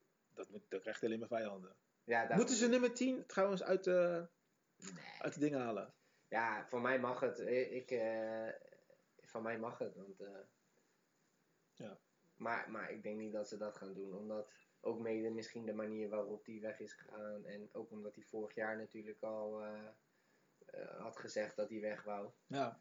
Was het voor jou een verrassing even tussendoor? Nu, we, we het begin over gehad, maar was het een verrassing? Nou, mede door wat wel in de media kwam en dat die Laporte kwam en dat hij zei van het gaat allemaal goed komen Ja. en de puntjes op de i nog. Dus ik dacht nou, zal wel vastlopen. En ik geloof ook wel dat Messi dat zelf dacht van... eh, Gaat wel gebeuren. het gaat ge- gewoon gebeuren. En er moet wel een concessie gedaan worden. Misschien in salaris of wat dan ook. Omdat natuurlijk vanwege die grote schuld. Maar ik dacht dat hij er zelf ook wel op had gerekend van... eh, ik heb er weer zin in. En Ja. eh, een jaartje met, die, met de spelers. En ja, ik denk dat dat voor hem ook wel echt... als ik hem zo zag bij, die, bij dat afscheid... dat hij echt wel dacht dat hij zou blijven. En dat hij snel moest schakelen en, eh, en denken van... Ja, ik wil gewoon... eh, als dit niet gaat Ja. dan moet ik gewoon verder. En wat blijft er dan over? Ja, dan. eh, Had je hem graag in Engeland willen zien? nee. Hoezo niet? Ja, ik weet niet. Ik vind Engels voetbal. vind ik voor bepaalde spelers. Vind je dit het meest logische keus? Ehm, de, qua competitie rondom niet. Maar qua team. om echt voor het hoogst haalbare te gaan, denk ik wel. Want andere opties waren dan City. Maar City had al Ja, Grealish gekocht. Dus die zouden sowieso Messi niet meer kunnen kopen. Want die hadden al geanticipeerd op dat Messi contractverlenging had gedaan. Maar misschien Italiaanse competitie of zo. Ja, maar wie dan? Juve. Nee, want die kunnen Ronaldo dadelijk nog niet eens behouden. Nee, maar gewoon stel, Nee. qua competitie, weet je, waar zou je Oh, willen qua zien? competitie, ja. Ja, maar wat had de meest logische keuze geweest? Ja, dat is dus echt heel erg lastig, omdat je Messi zo lang aan, eh En Barca ligt natuurlijk ja, en eh, daar. Spanje en... Maar Atletico heeft nog een belletje gewaagd, hè? Oh, Simeone. Ja, die wilde hem graag halen. Ja, Nee, dat ging hij natuurlijk niet doen. Ik denk niet dat hij voor een andere club in Met zijn maatje? Nee, met Louis. Ja. nee, maar nu speelt hij natuurlijk ook met, z'n- met zijn maatje. En heeft hij ook nog wel een, eh, een grote kans om, eh, om de Champions League natuurlijk te gaan winnen. En ik denk dat het misschien voor hem op latere leeftijd ook wat makkelijker is om, eh, om bij wijze van spreken tegen eh, Nice te spelen. Dan eh, dat je weer die schoppers van Bilbao... eh, ja. tegen, nou, tegen Marseille ging het vorig jaar ook aardig los, hoor. Oh ja, nou, die hebben vast ook teams die, Ja. die hem gaan zoeken. Ja, maar ik bedoel, goeie- qua niveau is het Er zijn nog wel goede ploegen, hè? Lyon, Nice, Lyon is niet... Marseille. is Peter Bos, toch? Peter Bos, ja, die weer verloren met Marcelo achterin Ja, ja, van PSV. Ja. Die is ook al op leeftijd Ja. allemaal. Ja, Nee, dus ja, ik denk- die zou uit het tweede team gezet. Ik had gewoon het liefste gehoopt, ook gewoon voor het verhaal en het plaatje en voor de details, zeg maar als je later over Messi praat, of wat je nu over Iniesta hebt, weet je, die Ja. heeft heel zijn leven daar gespeeld, is soort van voor de, voor de film is dat mooi en sentimenteel en Ja. vind ik wel tof. En, eh, maar dit was de tweede Hij had ook kunnen keus. stoppen. Ja, maar dat kan hij nog steeds, denk ik. Maar ik bedoel, voor hem, hij wil voetballen. Die gozer die kan zo goed voetballen. Tuurlijk. Die wil, gewoon- die wil gewoon nog voetballen. En eh, hij is net kampioen geworden wereldwijd. En eh, in eh, Copa America dan. Ja. En nu heeft hij nog de kans, wat eigenlijk als enige nog boven zijn hoofd hangt. Om eindelijk die vergelijking met Ronaldo, omdat Ronaldo in het, in het buitenland heeft gedaan. Dus hij moet eigenlijk gewoon kampioen worden en de Champions League winnen bij, Bij, bij Paris Saint-Germain. En dan is het natuurlijk klaar. Maar eh, ja, Ronaldo is natuurlijk ook elke keer naar de toppers gegaan. Weet je wel? In eh, Manchester was destijds de, de topclub waar hij tot bloei kon komen. ja, dat klopt. En eh, daar heeft hij heel goed gespeeld. Toen is hij daarna naar de weer beste club gegaan, Real Madrid destijds. En van de Real Madrid is hij toen naar Juve gegaan, wat altijd al tien jaar lang achter elkaar de beste club van Italië Ja, tot was nu. Dus, dus in die logica vind ik altijd als mensen dan zeggen van ja, Ronaldo heeft het ook in het buitenland laten zien. Tuurlijk, maar wel altijd bij de topclubs. En, eh, en in de Champions League heeft hij ze zeker allemaal geholpen. Alleen Juve dan afgelopen jaar Nee, eh, Dat eh, niet als team, maar zelf heeft hij natuurlijk wel heel goed gespeeld. Maar Maar wie zeg je? Kampioen Spanje? ja, wel Barcelona. Barcelona. Ga ik hoop het eh, ook voor Koeman. Ik hoop het echt voor Frenkie Koeman. de eh. Jong heb ik ook, eh, vind ik ook nog wel leuk om te Ja. kijken. Dus ik zal ook nog wel veel Barça gaan kijken. Gewoon om het frivolen en toch van nog Alfred Schreuder nog een paar mooie eh, achterliggende plannetjes klaar. Ja, nog een paar corners. eh, ja, van corners, ja. ja, ja. Nu je het over corner hebt, wil ik het over Nederland zelf hebben. Waar Frans Corner natuurlijk de nieuwe Ah, assistent god, moest. gaat hij eh, weer. En vergeet die blinde niet. ja, want Blind. ik heb hier nog een shirtje van eh 2000, Zo, dat is ook een oude. 2002, 2001, 2002. Ging ook niet goed dat jaar volgens mij. Dit was het jaar dat Louis niet kwalificeerde voor het eh, Ja, WK in eh, Japan en Korea. Ja. Want gisteren heeft hij natuurlijk weer legendarische persconferentie gegeven. Dat hij natuurlijk niet voor zichzelf doet, maar voor het volk en het Hij Nederlands doet voetbal. het, eh, Hij doet het niet uit eigen plezier, maar Hij doet het voor ons. Hij zag ook niemand anders die het zou kunnen. dus dat was wel Wat eh, vond je daar dan van? Wat vond je van het interview? Ik Ja, dacht echt, jezus, zeg joh. Ja, het is echt... eh, Tenen krommend het is entertainment en daar hou ik wel van. Dus ik zou liegen dat ik het eh, niet, niet eh, leuk vind om te kijken. Maar ik hoop ook wel diep van binnen dat, eh, dat als hij het zelf ziet, dat hij dan eh, even denkt van... eh, Oeh, En, dat was weer, eh, was weer een van Galletje. Des van Gaals. ja. Dat is dus Des van Gaals. En eh, het gaat alleen maar over ik, Van Gaal. Ik, eh, Ja, ik, Denk, ik dacht dat hij onderweg eh, in de auto had hij natuurlijk dat eh, nummertje van Jeroen van der Boom weer Kan jij opgezet. die zingen? Kan je- dat, is toch, dat is toch niet normaal? Kan toch niet? Ja, Louis.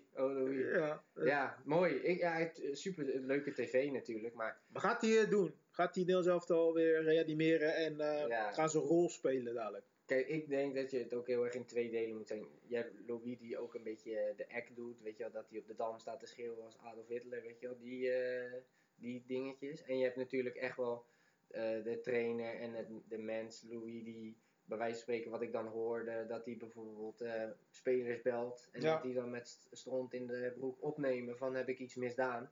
En dat hij dan zegt van eh gefeliciteerd met je vrouw. Ja, ja, ja. Weet je, wel, ja, dat ja. kan ik heel erg waarderen en dat compenseert ook wel dat ik hem wel kan luchten of zo. Ja. Het is eh, voor zijn spelers misschien een hele goede Had man. jij eh, ook voor Louis Vergaal gekozen? Ehm, ja, omdat er, is ook niet echt, echt heel veel. En ja, vanuit Frank de Boer gaande naar Louis is natuurlijk sowieso een upgrade. Het voor hem is Frank de Boer. Ik vind het een beetje sneu voor hem allemaal. Hè. Ja, maar het is ook zijn eigen fout. Tuurlijk, maar dat het, dat het van drie of vier keer kampioen worden met Ajax naar, eh, naar Ja, Inter, twee maanden Inter, eh, twee maanden Crystal Palace. Dan ga je naar Amerika bij een Maar kampioen. vind jij dan ook niet dat, dat zeg maar eh, die jaren bij Ajax werd hij natuurlijk zeg maar gelijk op de, op de plaats van toptrainer gezet. Ja. Maar hij was daarvoor nooit trainer. Nee, joh, Dus hij werd trainer bij het beste elftal. En het was natuurlijk geen Ajax met, eh, Maar ik weet wel met dat supersterren. Want Nee. die, eh, bijvoorbeeld... Ajax stond wel echt toen veel punten achter op PSV. En dat heeft hij toch nog weten recht ja, te maar ik bedoel, zetten. het was wel Ajax, weet je wel. Ze speelden misschien wel met dat ene ventje met die Hanekam die je nooit meer gaat horen. Ook zo'n eh, Scandinavisch, iets met een S. Ik had een Fischer. Ja, een beetje die types. Ja. En eh, nog, nog een donker ventje, ook een rappe buitenspeler die Ja, destijds... Sana. Sana, ja. ja. ja, en allemaal dat soort dingen. En die Lokoki en zo. eh, ja, ja, ja, Weet ja. je wel, die, die zaten ook allemaal bij de, eh, bij de, bij de selectie. Maar, Ebicilio. ja, maar die speelden echt wel een goed Ja, seizoen. had ook kampioen mee toen de en tijd. ook die andere eh, jongen uit Roemenië, geloof ik. Ja, die ook linksbuiten volgens mij. ja. zo, ja. Nou, allemaal dat soort types kwamen echt wel goed naar boven. En van de wiel, weet je wel. Van de Wiel, Alderwereld, Ja, zo. eh Vertongen, Ja. Dus het was ook geen... Blind. Kijk, bij, bij wijze van spreken, als je het vergelijkt met Feyenoord, die hebben zeg maar, als ze even een vervelend jaar hebben, speelt bijvoorbeeld Theo Lucius er. Weet je wel, dat is natuurlijk eh, anders als eh Lucius, ja. Toby Alderwereld en Ja. Theo Lucius. Weet je wel, dat is een soort van... Voor Ja, Ajax- Alderwereld was natuurlijk ook nog niet top toen de tijd. Nee, maar ja, beter dan... eh, Nou ja, ik weet ook dat, je, dat, dat Feyenoord hiervan leert en dat ze dan, oké, weet je, we, we hebben niks, op de transfermarkt is niks, we gaan gewoon onze eigen spelers die we hebben opgeleid dan een kans geven. Want dat hebben we Ja, eigenlijk ook gedaan met Alderwereld en Vertongen en dat soort zaken. Want ja, je hebt toch niks. Ja, maar het is eigenlijk een beetje hetzelfde natuurlijk in Duitsland natuurlijk. Van, je kan elke keer zo goed iemand mogelijk verkopen, et cetera. Maar uiteindelijk heeft Bayern elke keer... eh, De beste. Nou, die koopt gewoon van jou jouw beste Ja. speler. En je kan weer, weer onderaan beginnen, weet je wel. Dat klopt, dat klopt. En, en, en dat is dus eh, ja, gewoon de monopoliepositie die, die Ajax heeft, die Bayern heeft, eh, eh, die alle topclubs hebben, die- Ja. waar, waar het geld zit. Paris Maar oké. eh, We hebben het nog even over Louis. Met Frans Korne, Danny Blind in zijn staf. ja. Wat vind jij van die... Staf, volgens mij heeft hij, eh, heeft hij een eigen, eigen club opgericht. Hoeveel man dan? Geesje? 23 of zo. Ja, hij neemt altijd heel veel mensen mee met wel, video-analyses, analisten dan. Kok waarschijnlijk ook, weet ik veel, team Nou, team is al geregeld waarschijnlijk. Ja, ja. maar Hij neemt zijn eigen team altijd mee, klopt. Maar Danny Blind weer als assistent bondscoach. Ja, dat vind ik wel echt. eh, Dat raar. Dat vind ik wel een beetje raar. Zeker als je. Drie, hoeveel jaar geleden? Vier jaar geleden? Vijf Zoiets. Voor jaar? Voor ja, Koeman drie jaar geleden denk ik wel. eh, soort van eh, binnen wordt gehengeld. Advocaat nog tussendoor trouwens, ja, dus dat is vier jaar geleden denk ik wel. Ja, iets langer. ja. ja, dat hij er natuurlijk gewoon eh, ook mede door onervarenheid en eh, je kan wel assistent geweest zijn, maar ik denk wel dat hoofdtrainer zijn wel echt iets anders is. En hij is denk ik meer een assistent trainer, want hij kan heel goed ook. details uitleggen en eh, ook als ik hem bijvoorbeeld zie als analist of Is zo, best wel goed, hè? zitten dingen tussen, maar echt de, de puntjes op de i, weet je wel. Hij ziet de details, Ja. maar de, in de grote lijnen en hoe hij spelers benadert. zij- ik, voel, ik vind hem echt een beetje Frank de Boer hetzelfde. Weet je wel, als speler, aanvoerder en eh, best wel charis, eh, charismatische man. Ja. Weet je wel, als je hem zag. En, en Frank de Boer ook, wel- klein, maar Zeker. wel als speler denk ik wel dat andere spelers dachten van eh, we luisteren Ja. wel. En maar als trainer zijn, hebben ze dat totaal niet. En bijvoorbeeld spelers ook als Van Basten heeft dat ook. Nou, ja, Eh, dat als speler denk je wow. Ja. En als trainer denk je eh, nou. Zegt hij allemaal. Ja, of dat, dat je dan denkt, huh, heb je nou je, je, je, je, je- nou, niet je tweelingbroer, want die kon ook wel aardig voetballen, maar eh, weet ik veel, je, Ja, je- ik snap het. Gewoon iemand die er totaal eh, ook helemaal niet uit zijn woorden komt of... zie toch dat de Dus hij had gewoon denk ik heel veel talent en, en eh, veel energie. En, maar, maar ik denk niet dat hij het goed kan overbrengen. En op je vraag te zeggen van vind je Louis de goede keuze? Ik denk voor korte termijn en kort overbrengen op spelers. Ik denk bijvoorbeeld dat zo'n Berghuis die, die nu bijvoorbeeld moet wennen aan dat systeem bij bijvoorbeeld bij Oranje of de positie moet bekleden. Dat Louis hem wel kan zeggen van jij gaat dit, dit en dit doen en jij gaat thuis even eh, naar deze banden kijken Ja, en jij gaat dit doen. Dat Berghuis niet gaat denken van eh, ik eh, kijk het wel op mijn gemakkie en dan zien we het wel, weet je wel. Dus ik denk wel op de korte termijn en met de, de- met de lading die Van Gaal kan brengen naar spelers toe en dat, dat hij wel de goede, de beste is voor het moment. vanuit ja. de keuzes die we, die we hebben. En ook gewoon een Nederlander. Ik vind dat dat zo raar nemen, een buitenlandse coach. Om maar Ja, ik, hoorde, ik hoorde dan weer. Ik zit te veel op voetbalpraatprogramma's. Ik dacht, Vaart en Driessen ook, weet je wel. Ja, daar heb je het niet zo over. Nee, man, ik vind hem echt zwaar irritant. Zal ik hem gisteren weer ook weer die vragen stellen aan. En, hij doet net Maar alsof. dat is ook een beetje dat prikken. Ik denk dat hij Ja, maar hij dat doet net wel, alsof hij het beter weet, weet je wel. En ik zeg niet dat hij eh, slechte argumenten soms heeft. Maar eh, weet je wel, eh, hoe hij soms eh, dingen neerzet. Dat je van Gaal maakt zich natuurlijk gewoon zorgen. Met betrekking tot, die kijkt weer puur als trainer. Vond ik wel mooi hoor, dat hij dat zegt. eh, nou, moet tegen Noorwegen, tegen Turkije, Mhm. tegen Macedonië. Dat is in drie dagen of zo. Ja, ja. De tijd. Ik kom net binnen, ik krijg ze dan binnen. Dus dat betekent dat ik maar heel weinig tijd heb om, eh, om mijn stof over te brengen op die gasten. En dan zegt hij weer heel doodleuk van, ja, maar we spelen tegen Noorwegen. Macedonië stelt er niks voor. Dus eh, je hebt toch spelers van Manchester United. Of van dat verhaal zegt van, nou, ik wil eh 1-5-3-2 spelen. En hij zegt, ja, maar je kan toch gewoon 1-4-3-3 spelen, Ja, want je hebt toch buitenspelers. Maar ja, Van Gaal heeft een, een, een selectiecriteria. Ja, ja. Je moet fit zijn, je moet spelen en, eh, en nog een paar dingetjes, weet je wel. Ja, die had Frank de Boer ook. En toen eh Ja, maar Donny van der Beek ineens... eh, Precies. Nou, hij gaat Donny van de Beek dus niet meenemen, 100% niet. Dat, Nee, dat kan toch nee, dat gaat hij denk ik niet doen. Hij zei niet dat hij één uitzondering zou maken Ja, voor maar- Malen. Maar oké, ja, maar zeg dat dan. dat, is, dat, dat, zegt nu, dat zegt hij nu wel. Nee, maar ik bedoel, dat is toch altijd. Hoe trainers en iedereen kan zeggen... Ja, maar ik bedoel meer te zeggen nu- iedereen in de groep hetzelfde behandelen. Dat kan toch niet? Dat kan ook niet als je niks hebt.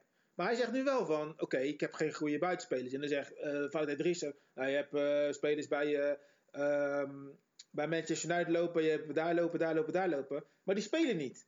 Dus, dat is dus die vallen bij voorbaat al af bij hem. Ja, ja. Dus dan kan je, vind ik, als Fout Driessen wel zitten zeiken van, ja, Bergwijn met Tottenham, die speelt niet eens in de basis bij Tottenham. Waarom zou je die dan oproepen?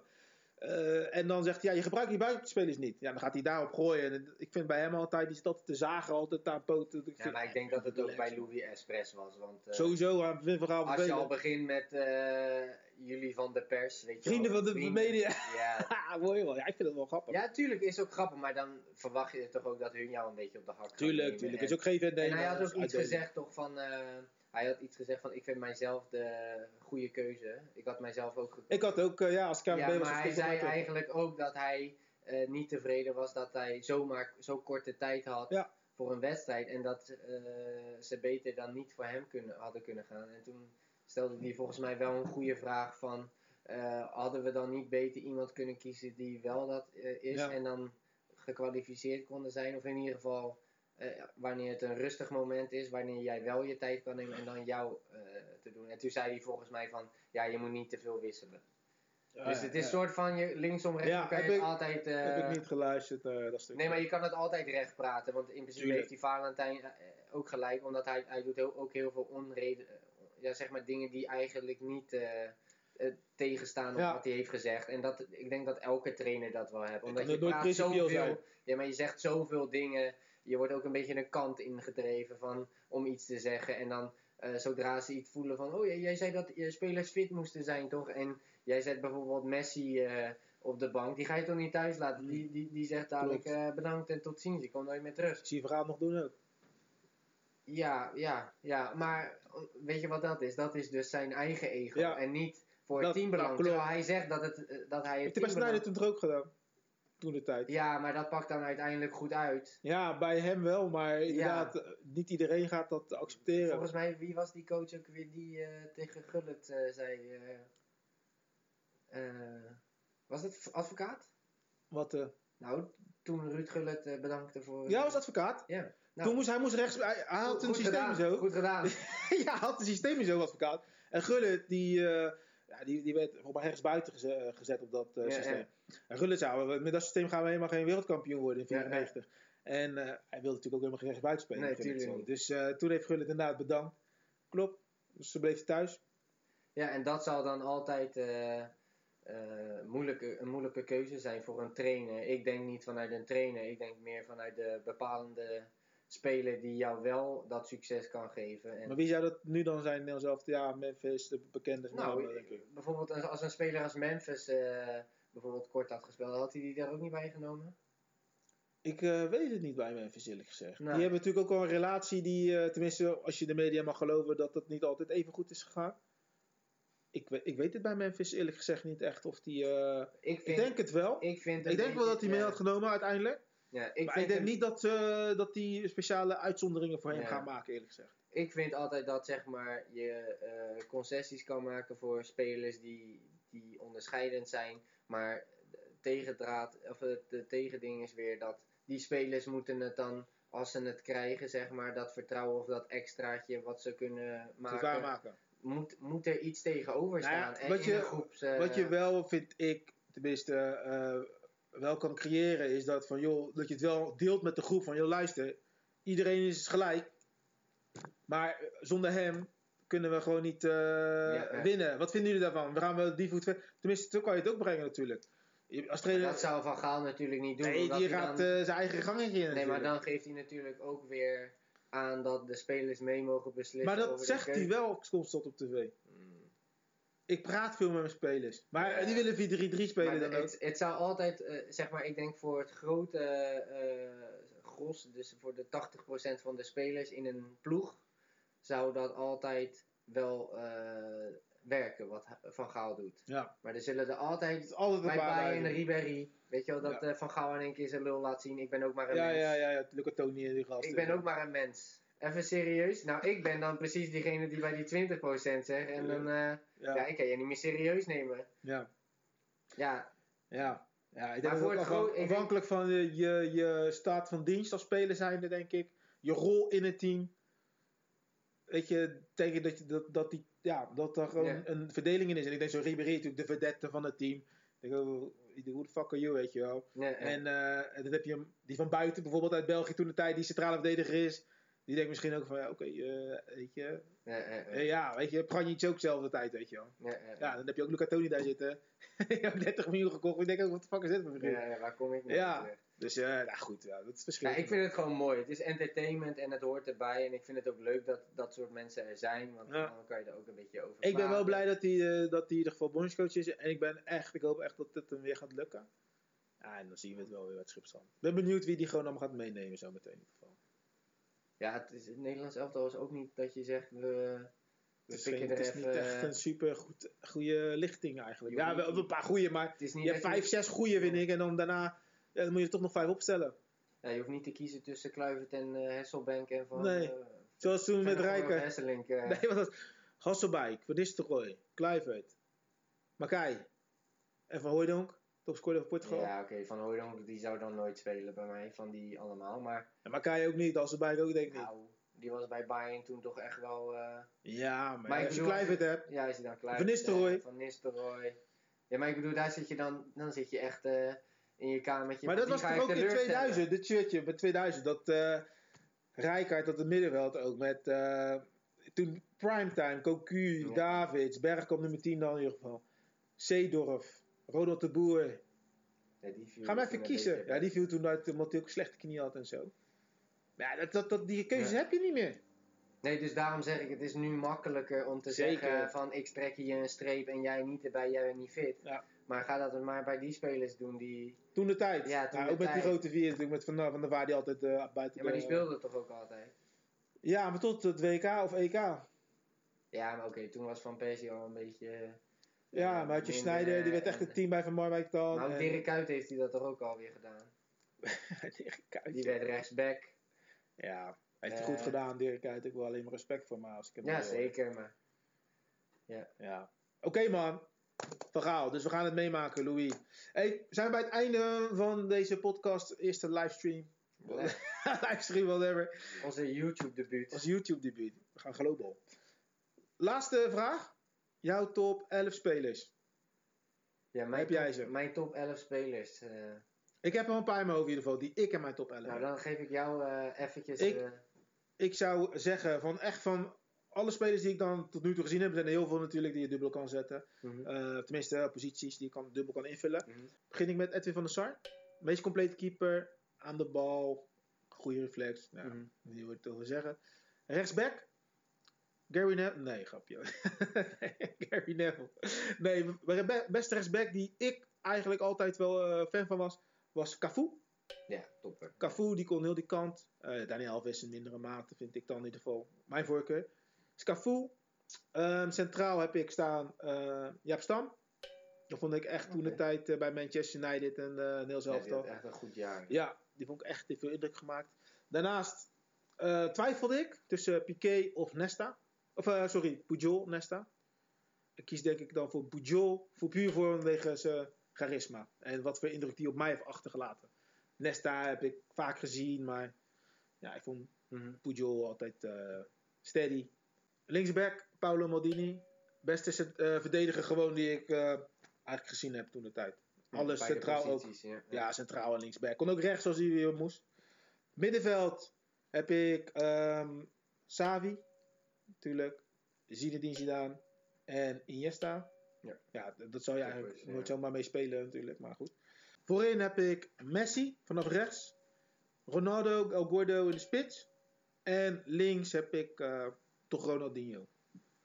Dat zijn mijn eh, beste elf. En dan heb ik eigenlijk Cristiano Ronaldo, De bank. met 11 en een half, ja. Maar dan zou, denk ik, toch Ronaldinho dan op de bank zitten. En wie zou je coach daarvan zijn? Ik zou eh, Guardiola de coach eh, Toch wel Guardiola? Ja. Oké. Ja. Dat zou mijn eh, top 11 zijn. Oké, ja, dan eh, komt, komt mijn...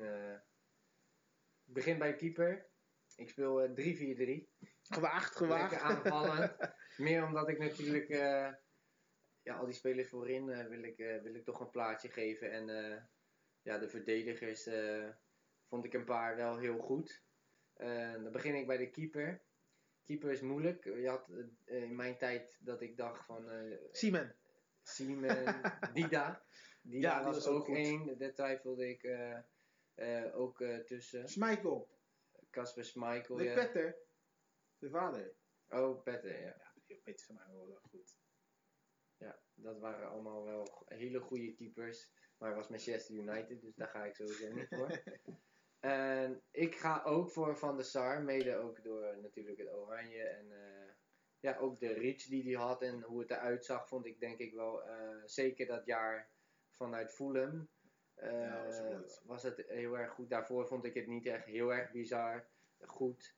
En, maar twijfelde ik gewoon tussen Buffon eh, en eh Casillas vond ik ook nog mooi. Heb ik ook Ja. nog in twijfel genomen. Maar ik ga denk ik toch voor Van, voor, voor, Van der Sar. Oké. En dan de drie achterin die ik heb, is sowieso één daarvan is eh, Maldini. Mhm. Ik denk meer aan de, aan de, aan de linkerkant. Eh, aan de rechterkant ga ik dan toch eh, iets gewaagd doen, dat is Dani Alves. Oké. Zou ik ook te twijfelen? Ja, om gewoon, die gozer heeft zoveel prijzen gepakt. was zo compleet als back. Ik denk dat ook in de afgelopen jaren iedereen die rechtsback speelde wel een beetje geprobeerd heeft het in te vullen zoals, eh, zoals hij dat kon. Natuurlijk. nog, hij was gisteren uitgeschakeld hè. Hij heeft nog de Olympics gewonnen. toch? Ja, maar hij was gisteren met Copa Libertadores heeft hij gespeeld. Oké, ja, ik weet Met nu eh, niet Sao Paulo zit hij. in Sao Paulo, Ja. weer in eh, Brazilië. Ja. Ja, en eh, eigenlijk de laatste verdediger was eigenlijk eentje waar ik een, eh, ja, een beetje tussen twijfelde van moet ik, eh, moet ik ook inderdaad een type Jaap Stam erin zetten of, eh, of ga ik toch voor iemand die, eh, ja, die balletjes kan geven die, eh, die ik eh, altijd mooi vind. Dus toen ging ik toch voor, voor Koeman. Oh ja. Niet denk ik de beste en meest complete, maar wel het leukste waar ik vond. Goede vrije trap. Vond ik heel erg leuk. Vond ik zelf ook leuk om te nemen, altijd vroeger. Nog steeds wel, maar. Ehm, ja, goede trap, goede indribbel, eh, overzicht. Dus eh, ik denk niet, de, als je er drie neer moet zetten, de, de beste drie. Als combinatie samen, maar ik, qua individuen denk ik. eh, Kan ver mee komen. ja, vind ik gewoon fijn om naar te kijken. Ik zit nu te kijken even tussendoor. Als ik Nesta had opgesteld, had ik gewoon de verdediging van AC Milan gewoon tijdens de finale tegen eh, Liverpool. Ja, maar dat is misschien ook denk ik jouw tijd natuurlijk. Ja, eh, nou ja, wat soort mij, van bijblijft als prime. Ja, supergoeie spelers destijds. eh AC Milan ook heel goed elftal. Ja. ja, dan gaan we door eigenlijk naar de voorste, voorste die eigenlijk het meest belangrijk voor mij zijn. Eh, de middenvelders die gaan spelen, ehm, sowieso, ik heb er al een paar laten vallen. Dat zijn sowieso Iniesta, Ja. eh, is sowieso eh, Xavi. Aan de rechterkant ga ik dan voor David Beckham. ja. Niet de beste voetballer, denk ik. Ik had denk ik misschien wel Ronaldo kunnen doen. Ik heb Beckham, ze- ik heb het boek van Ferguson gelezen. Mhm. En wat mensen wel, of wat mensen niet eens beseffen, maar hij was in die jeugd van die klas van Mhm. 92 gewoon veruit de meest complete speler die hij ooit gezien heeft. Dus Ja, hij kon alles. En als Beckham meer had geleefd als voetballer, dan had er nog meer uitgekomen. Maar als je dan ziet waar hij gespeeld heeft. Hè, bij AC Milan nog, bij. Real Madrid, bij Paris Saint-Germain. LA Galaxy, Ja. heb ik nog die documentaire van gezien. Was ook Ja, maar dan, heeft hij alsnog gewoon toch bij alle topclubs gespeeld. Hm. En dan wordt er beweerd dat hij nog niet eens alles uit zijn carrière heeft gehaald. Ja, ja ik, ik vond het gewoon. eh, ik denk ook gewoon eh, alles eromheen. Was het voor mij een complete voetballer. Die jongen heeft vanaf eh, toen wij klein waren gedomineerd in alle Pepsi-reclames. Ja. Noem het maar op. Hij was het gezicht van Adidas. Ja, Hij was een ja. Beckham schoen. Ja, het was dat ook... zijn voor mij dingen wat. wat Heb je die documentaire van Galactico gezien? Ja, ook gezien. Dat was er ook, dat, dat Real werd meer een marketingclub. Ja, ja, door, en ook meer door hem. Door eh, hem natuurlijk, onder andere, hè, weet je wel, met al die Galactico's. Maar, maar echt puur een, een marketingclub, puur om het merk Real Madrid te pushen. En daar was hij natuurlijk het gezicht eh, van. En toen dacht ik van, hij heeft eigenlijk helemaal daar niet zo goed gespeeld voor, dacht ik. Nee. Maar toen had ik een filmpje van YouTube nog even gezien. Hij heeft ook veel gescoord nog achteraf hè, daar zo. Dus Ja, hij heeft toch echt wel meer geleverd dan mensen misschien de beeldvorming hebben eh, daar zo bij Ja, hij ging ook een iets andere positie spelen. Ja, hij is op centraal natuurlijk. Ja, ja, ja. Maar goed, Maar super goede speler, eh, fijn om naar te kijken. Ook gewoon hoe die eh, liep en een Ja. pasen gaf. Gewoon een mooie speler. Niet de beste, waarschijnlijk misschien qua rendement, et cetera. Hou ik misschien beter voor Cristiano Ronaldo, dat soort types gaan. Eh, dus ook al gelijk een spoiler dat die er niet in staat. voor de mensen die gaan zeggen, oh, je stelt niet de beste op. eh. het is gewoon waar Jouw ik favoriete elf ja, hebben gewoon mijn favoriete elf waar ik voor eh, vroeger bewondering tot, tot aan nu bewondering voor had en waar ik graag voor, voor, voor kijk. Mhm. Dan even kijken, dan heb ik de twee centrale waren dan onze Spaanse vrienden uit Ja. Barcelona. Dan heb je nog links. Dan heb ik nog links, daar gaat dan Ronaldinho staan. Oké. Ja, voor mij mag die overal lopen. Die gozer die was zo eh, indrukwekkend Ja, goed. Van de filmpjes van eh Yogo Bonito tot aan eh, het eh, WK. Kijk je nog wel eens die, die, die, die Nike reclames terug op YouTube? Ja, alle- fantastisch. Tof hè? Ja, ja, ja, ja. Maar ook die ene zit er niet in. Dan het vliegveld in Brazilië is 98 Ja, met. Romario zit er nog in en Leonardo. En, Ook hele goede voetballers destijds. Ja. Ja. het was gewoon inherent aan mijn, aan mijn jeugd. Met mijn vrienden speelden we dat na. We deden die trucjes na van die FIFA Street dingen. Eh, we kochten eh, de bal die je had, die Pepsi bal Ja, die je ja, chips kreeg. Die Edgar Davids bril. ja, Er waren ook een hoop Nederlanders destijds verbonden aan dat. van eh, Nistelrooy zat er ook. ja, ja, Edgar Davids, ja. ja, man. ja, su- super mooie tijd. En dat staat denk ik ook wel. Maar ook die, ehm, de Cage. Ja, tuurlijk. Eh, met Met Cantona, dat hij die bal naar beneden laat rollen. ja, dat maar jullie moeten echt, niet, mensen, jullie moeten echt nog een keer die reclames van Nike gewoon, Eh, eh, chronologisch gaan bekijken. Gewoon, hoe ze opbouwen naar nu. ja, dat is Maar prachtig. Nu zijn ze minder tof dan toen. Maar Vroeger, in het begin, waren ze echt wel... Ja, het was ook nieuw, hè? Het was een nieuwe tijd met het reclame eh, en voetbal. Het werd allemaal veel meer commerciëler. Ja. En eh, ja, dat, eigenlijk hebben ze toen alles wel een beetje geprobeerd al eh, om het soort van spectaculair te maken. En nu is het... We eh, van het ook nog in eentje. Ja, klopt. Ja, ja, ja, ja, ja. Dus ja man, kijk hem ja. En ook nog, eh, ja, dan moet je verder gaan. Ja, gaan ze maar, echt kijken. Maar ja, met kijken. die van Henry, dat hij met die Manchester United spelers eh, in zijn huis zit eh, te voetballen. Ja, je hebt prachtig. Je hebt nog ook wel afgelopen jaren nog een paar leuke gehad met volgens mij Cristiano Ronaldo die dan tussen iedereen doordribbelt volgens mij. Tussen al die landen door dan. Maar, maar niet zo spectaculair, of bij mij in ieder geval. Misschien dat het bij de jeugd nu eh, blijft hangen als Ja. dat dat dan eh, voor hun die. Yoga Bonito filmpjes waren als dat eh, voor, voor mij destijds waren. Ja, en dan gaan we eigenlijk naar de, de voorste, voorste drie. waar ik sowieso één plekje heb voor eh, R9. Dat, dat is mijn, mijn Ja. spits. Meest compleet die ik ooit heb gezien. Ehm, kon alle, kon alles. Hij zijn kruisband niet had gescheurd. Ja, dat was echt ver, veruit de, Dat is veruit de beste. veruit de, veruit de beste.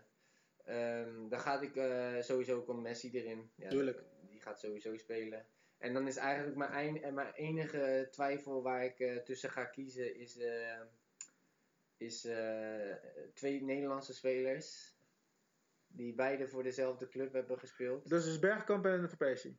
Ja. Ja. En dan ga ik denk ik toch, aangezien deze podcast met pijn in mijn hart FC Linkspoten eh, eh, heet, toch... eh, Van Rob- Persie. Nee, ik ga voor Robin van Persie. Ja?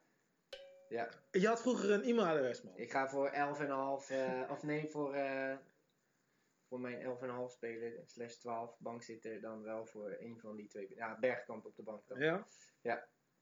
Ja. Ja, Van ook een Persie was wel... ja, dat, die ging inherent aan mijn jeugd.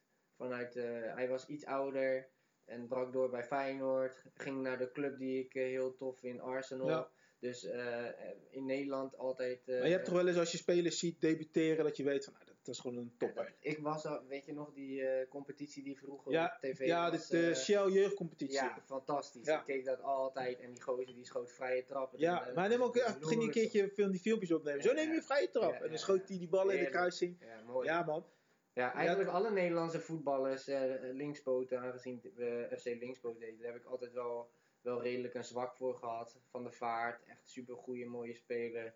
Eh, van Persie. Ja. eh, Robben. Robben. Wel iets minder, omdat het niet echt mijn stijl was Ja. qua hoe hij... eh, Snap ik, heb ik ook niet, stijf, en, maar wel echt een klasbak natuurlijk.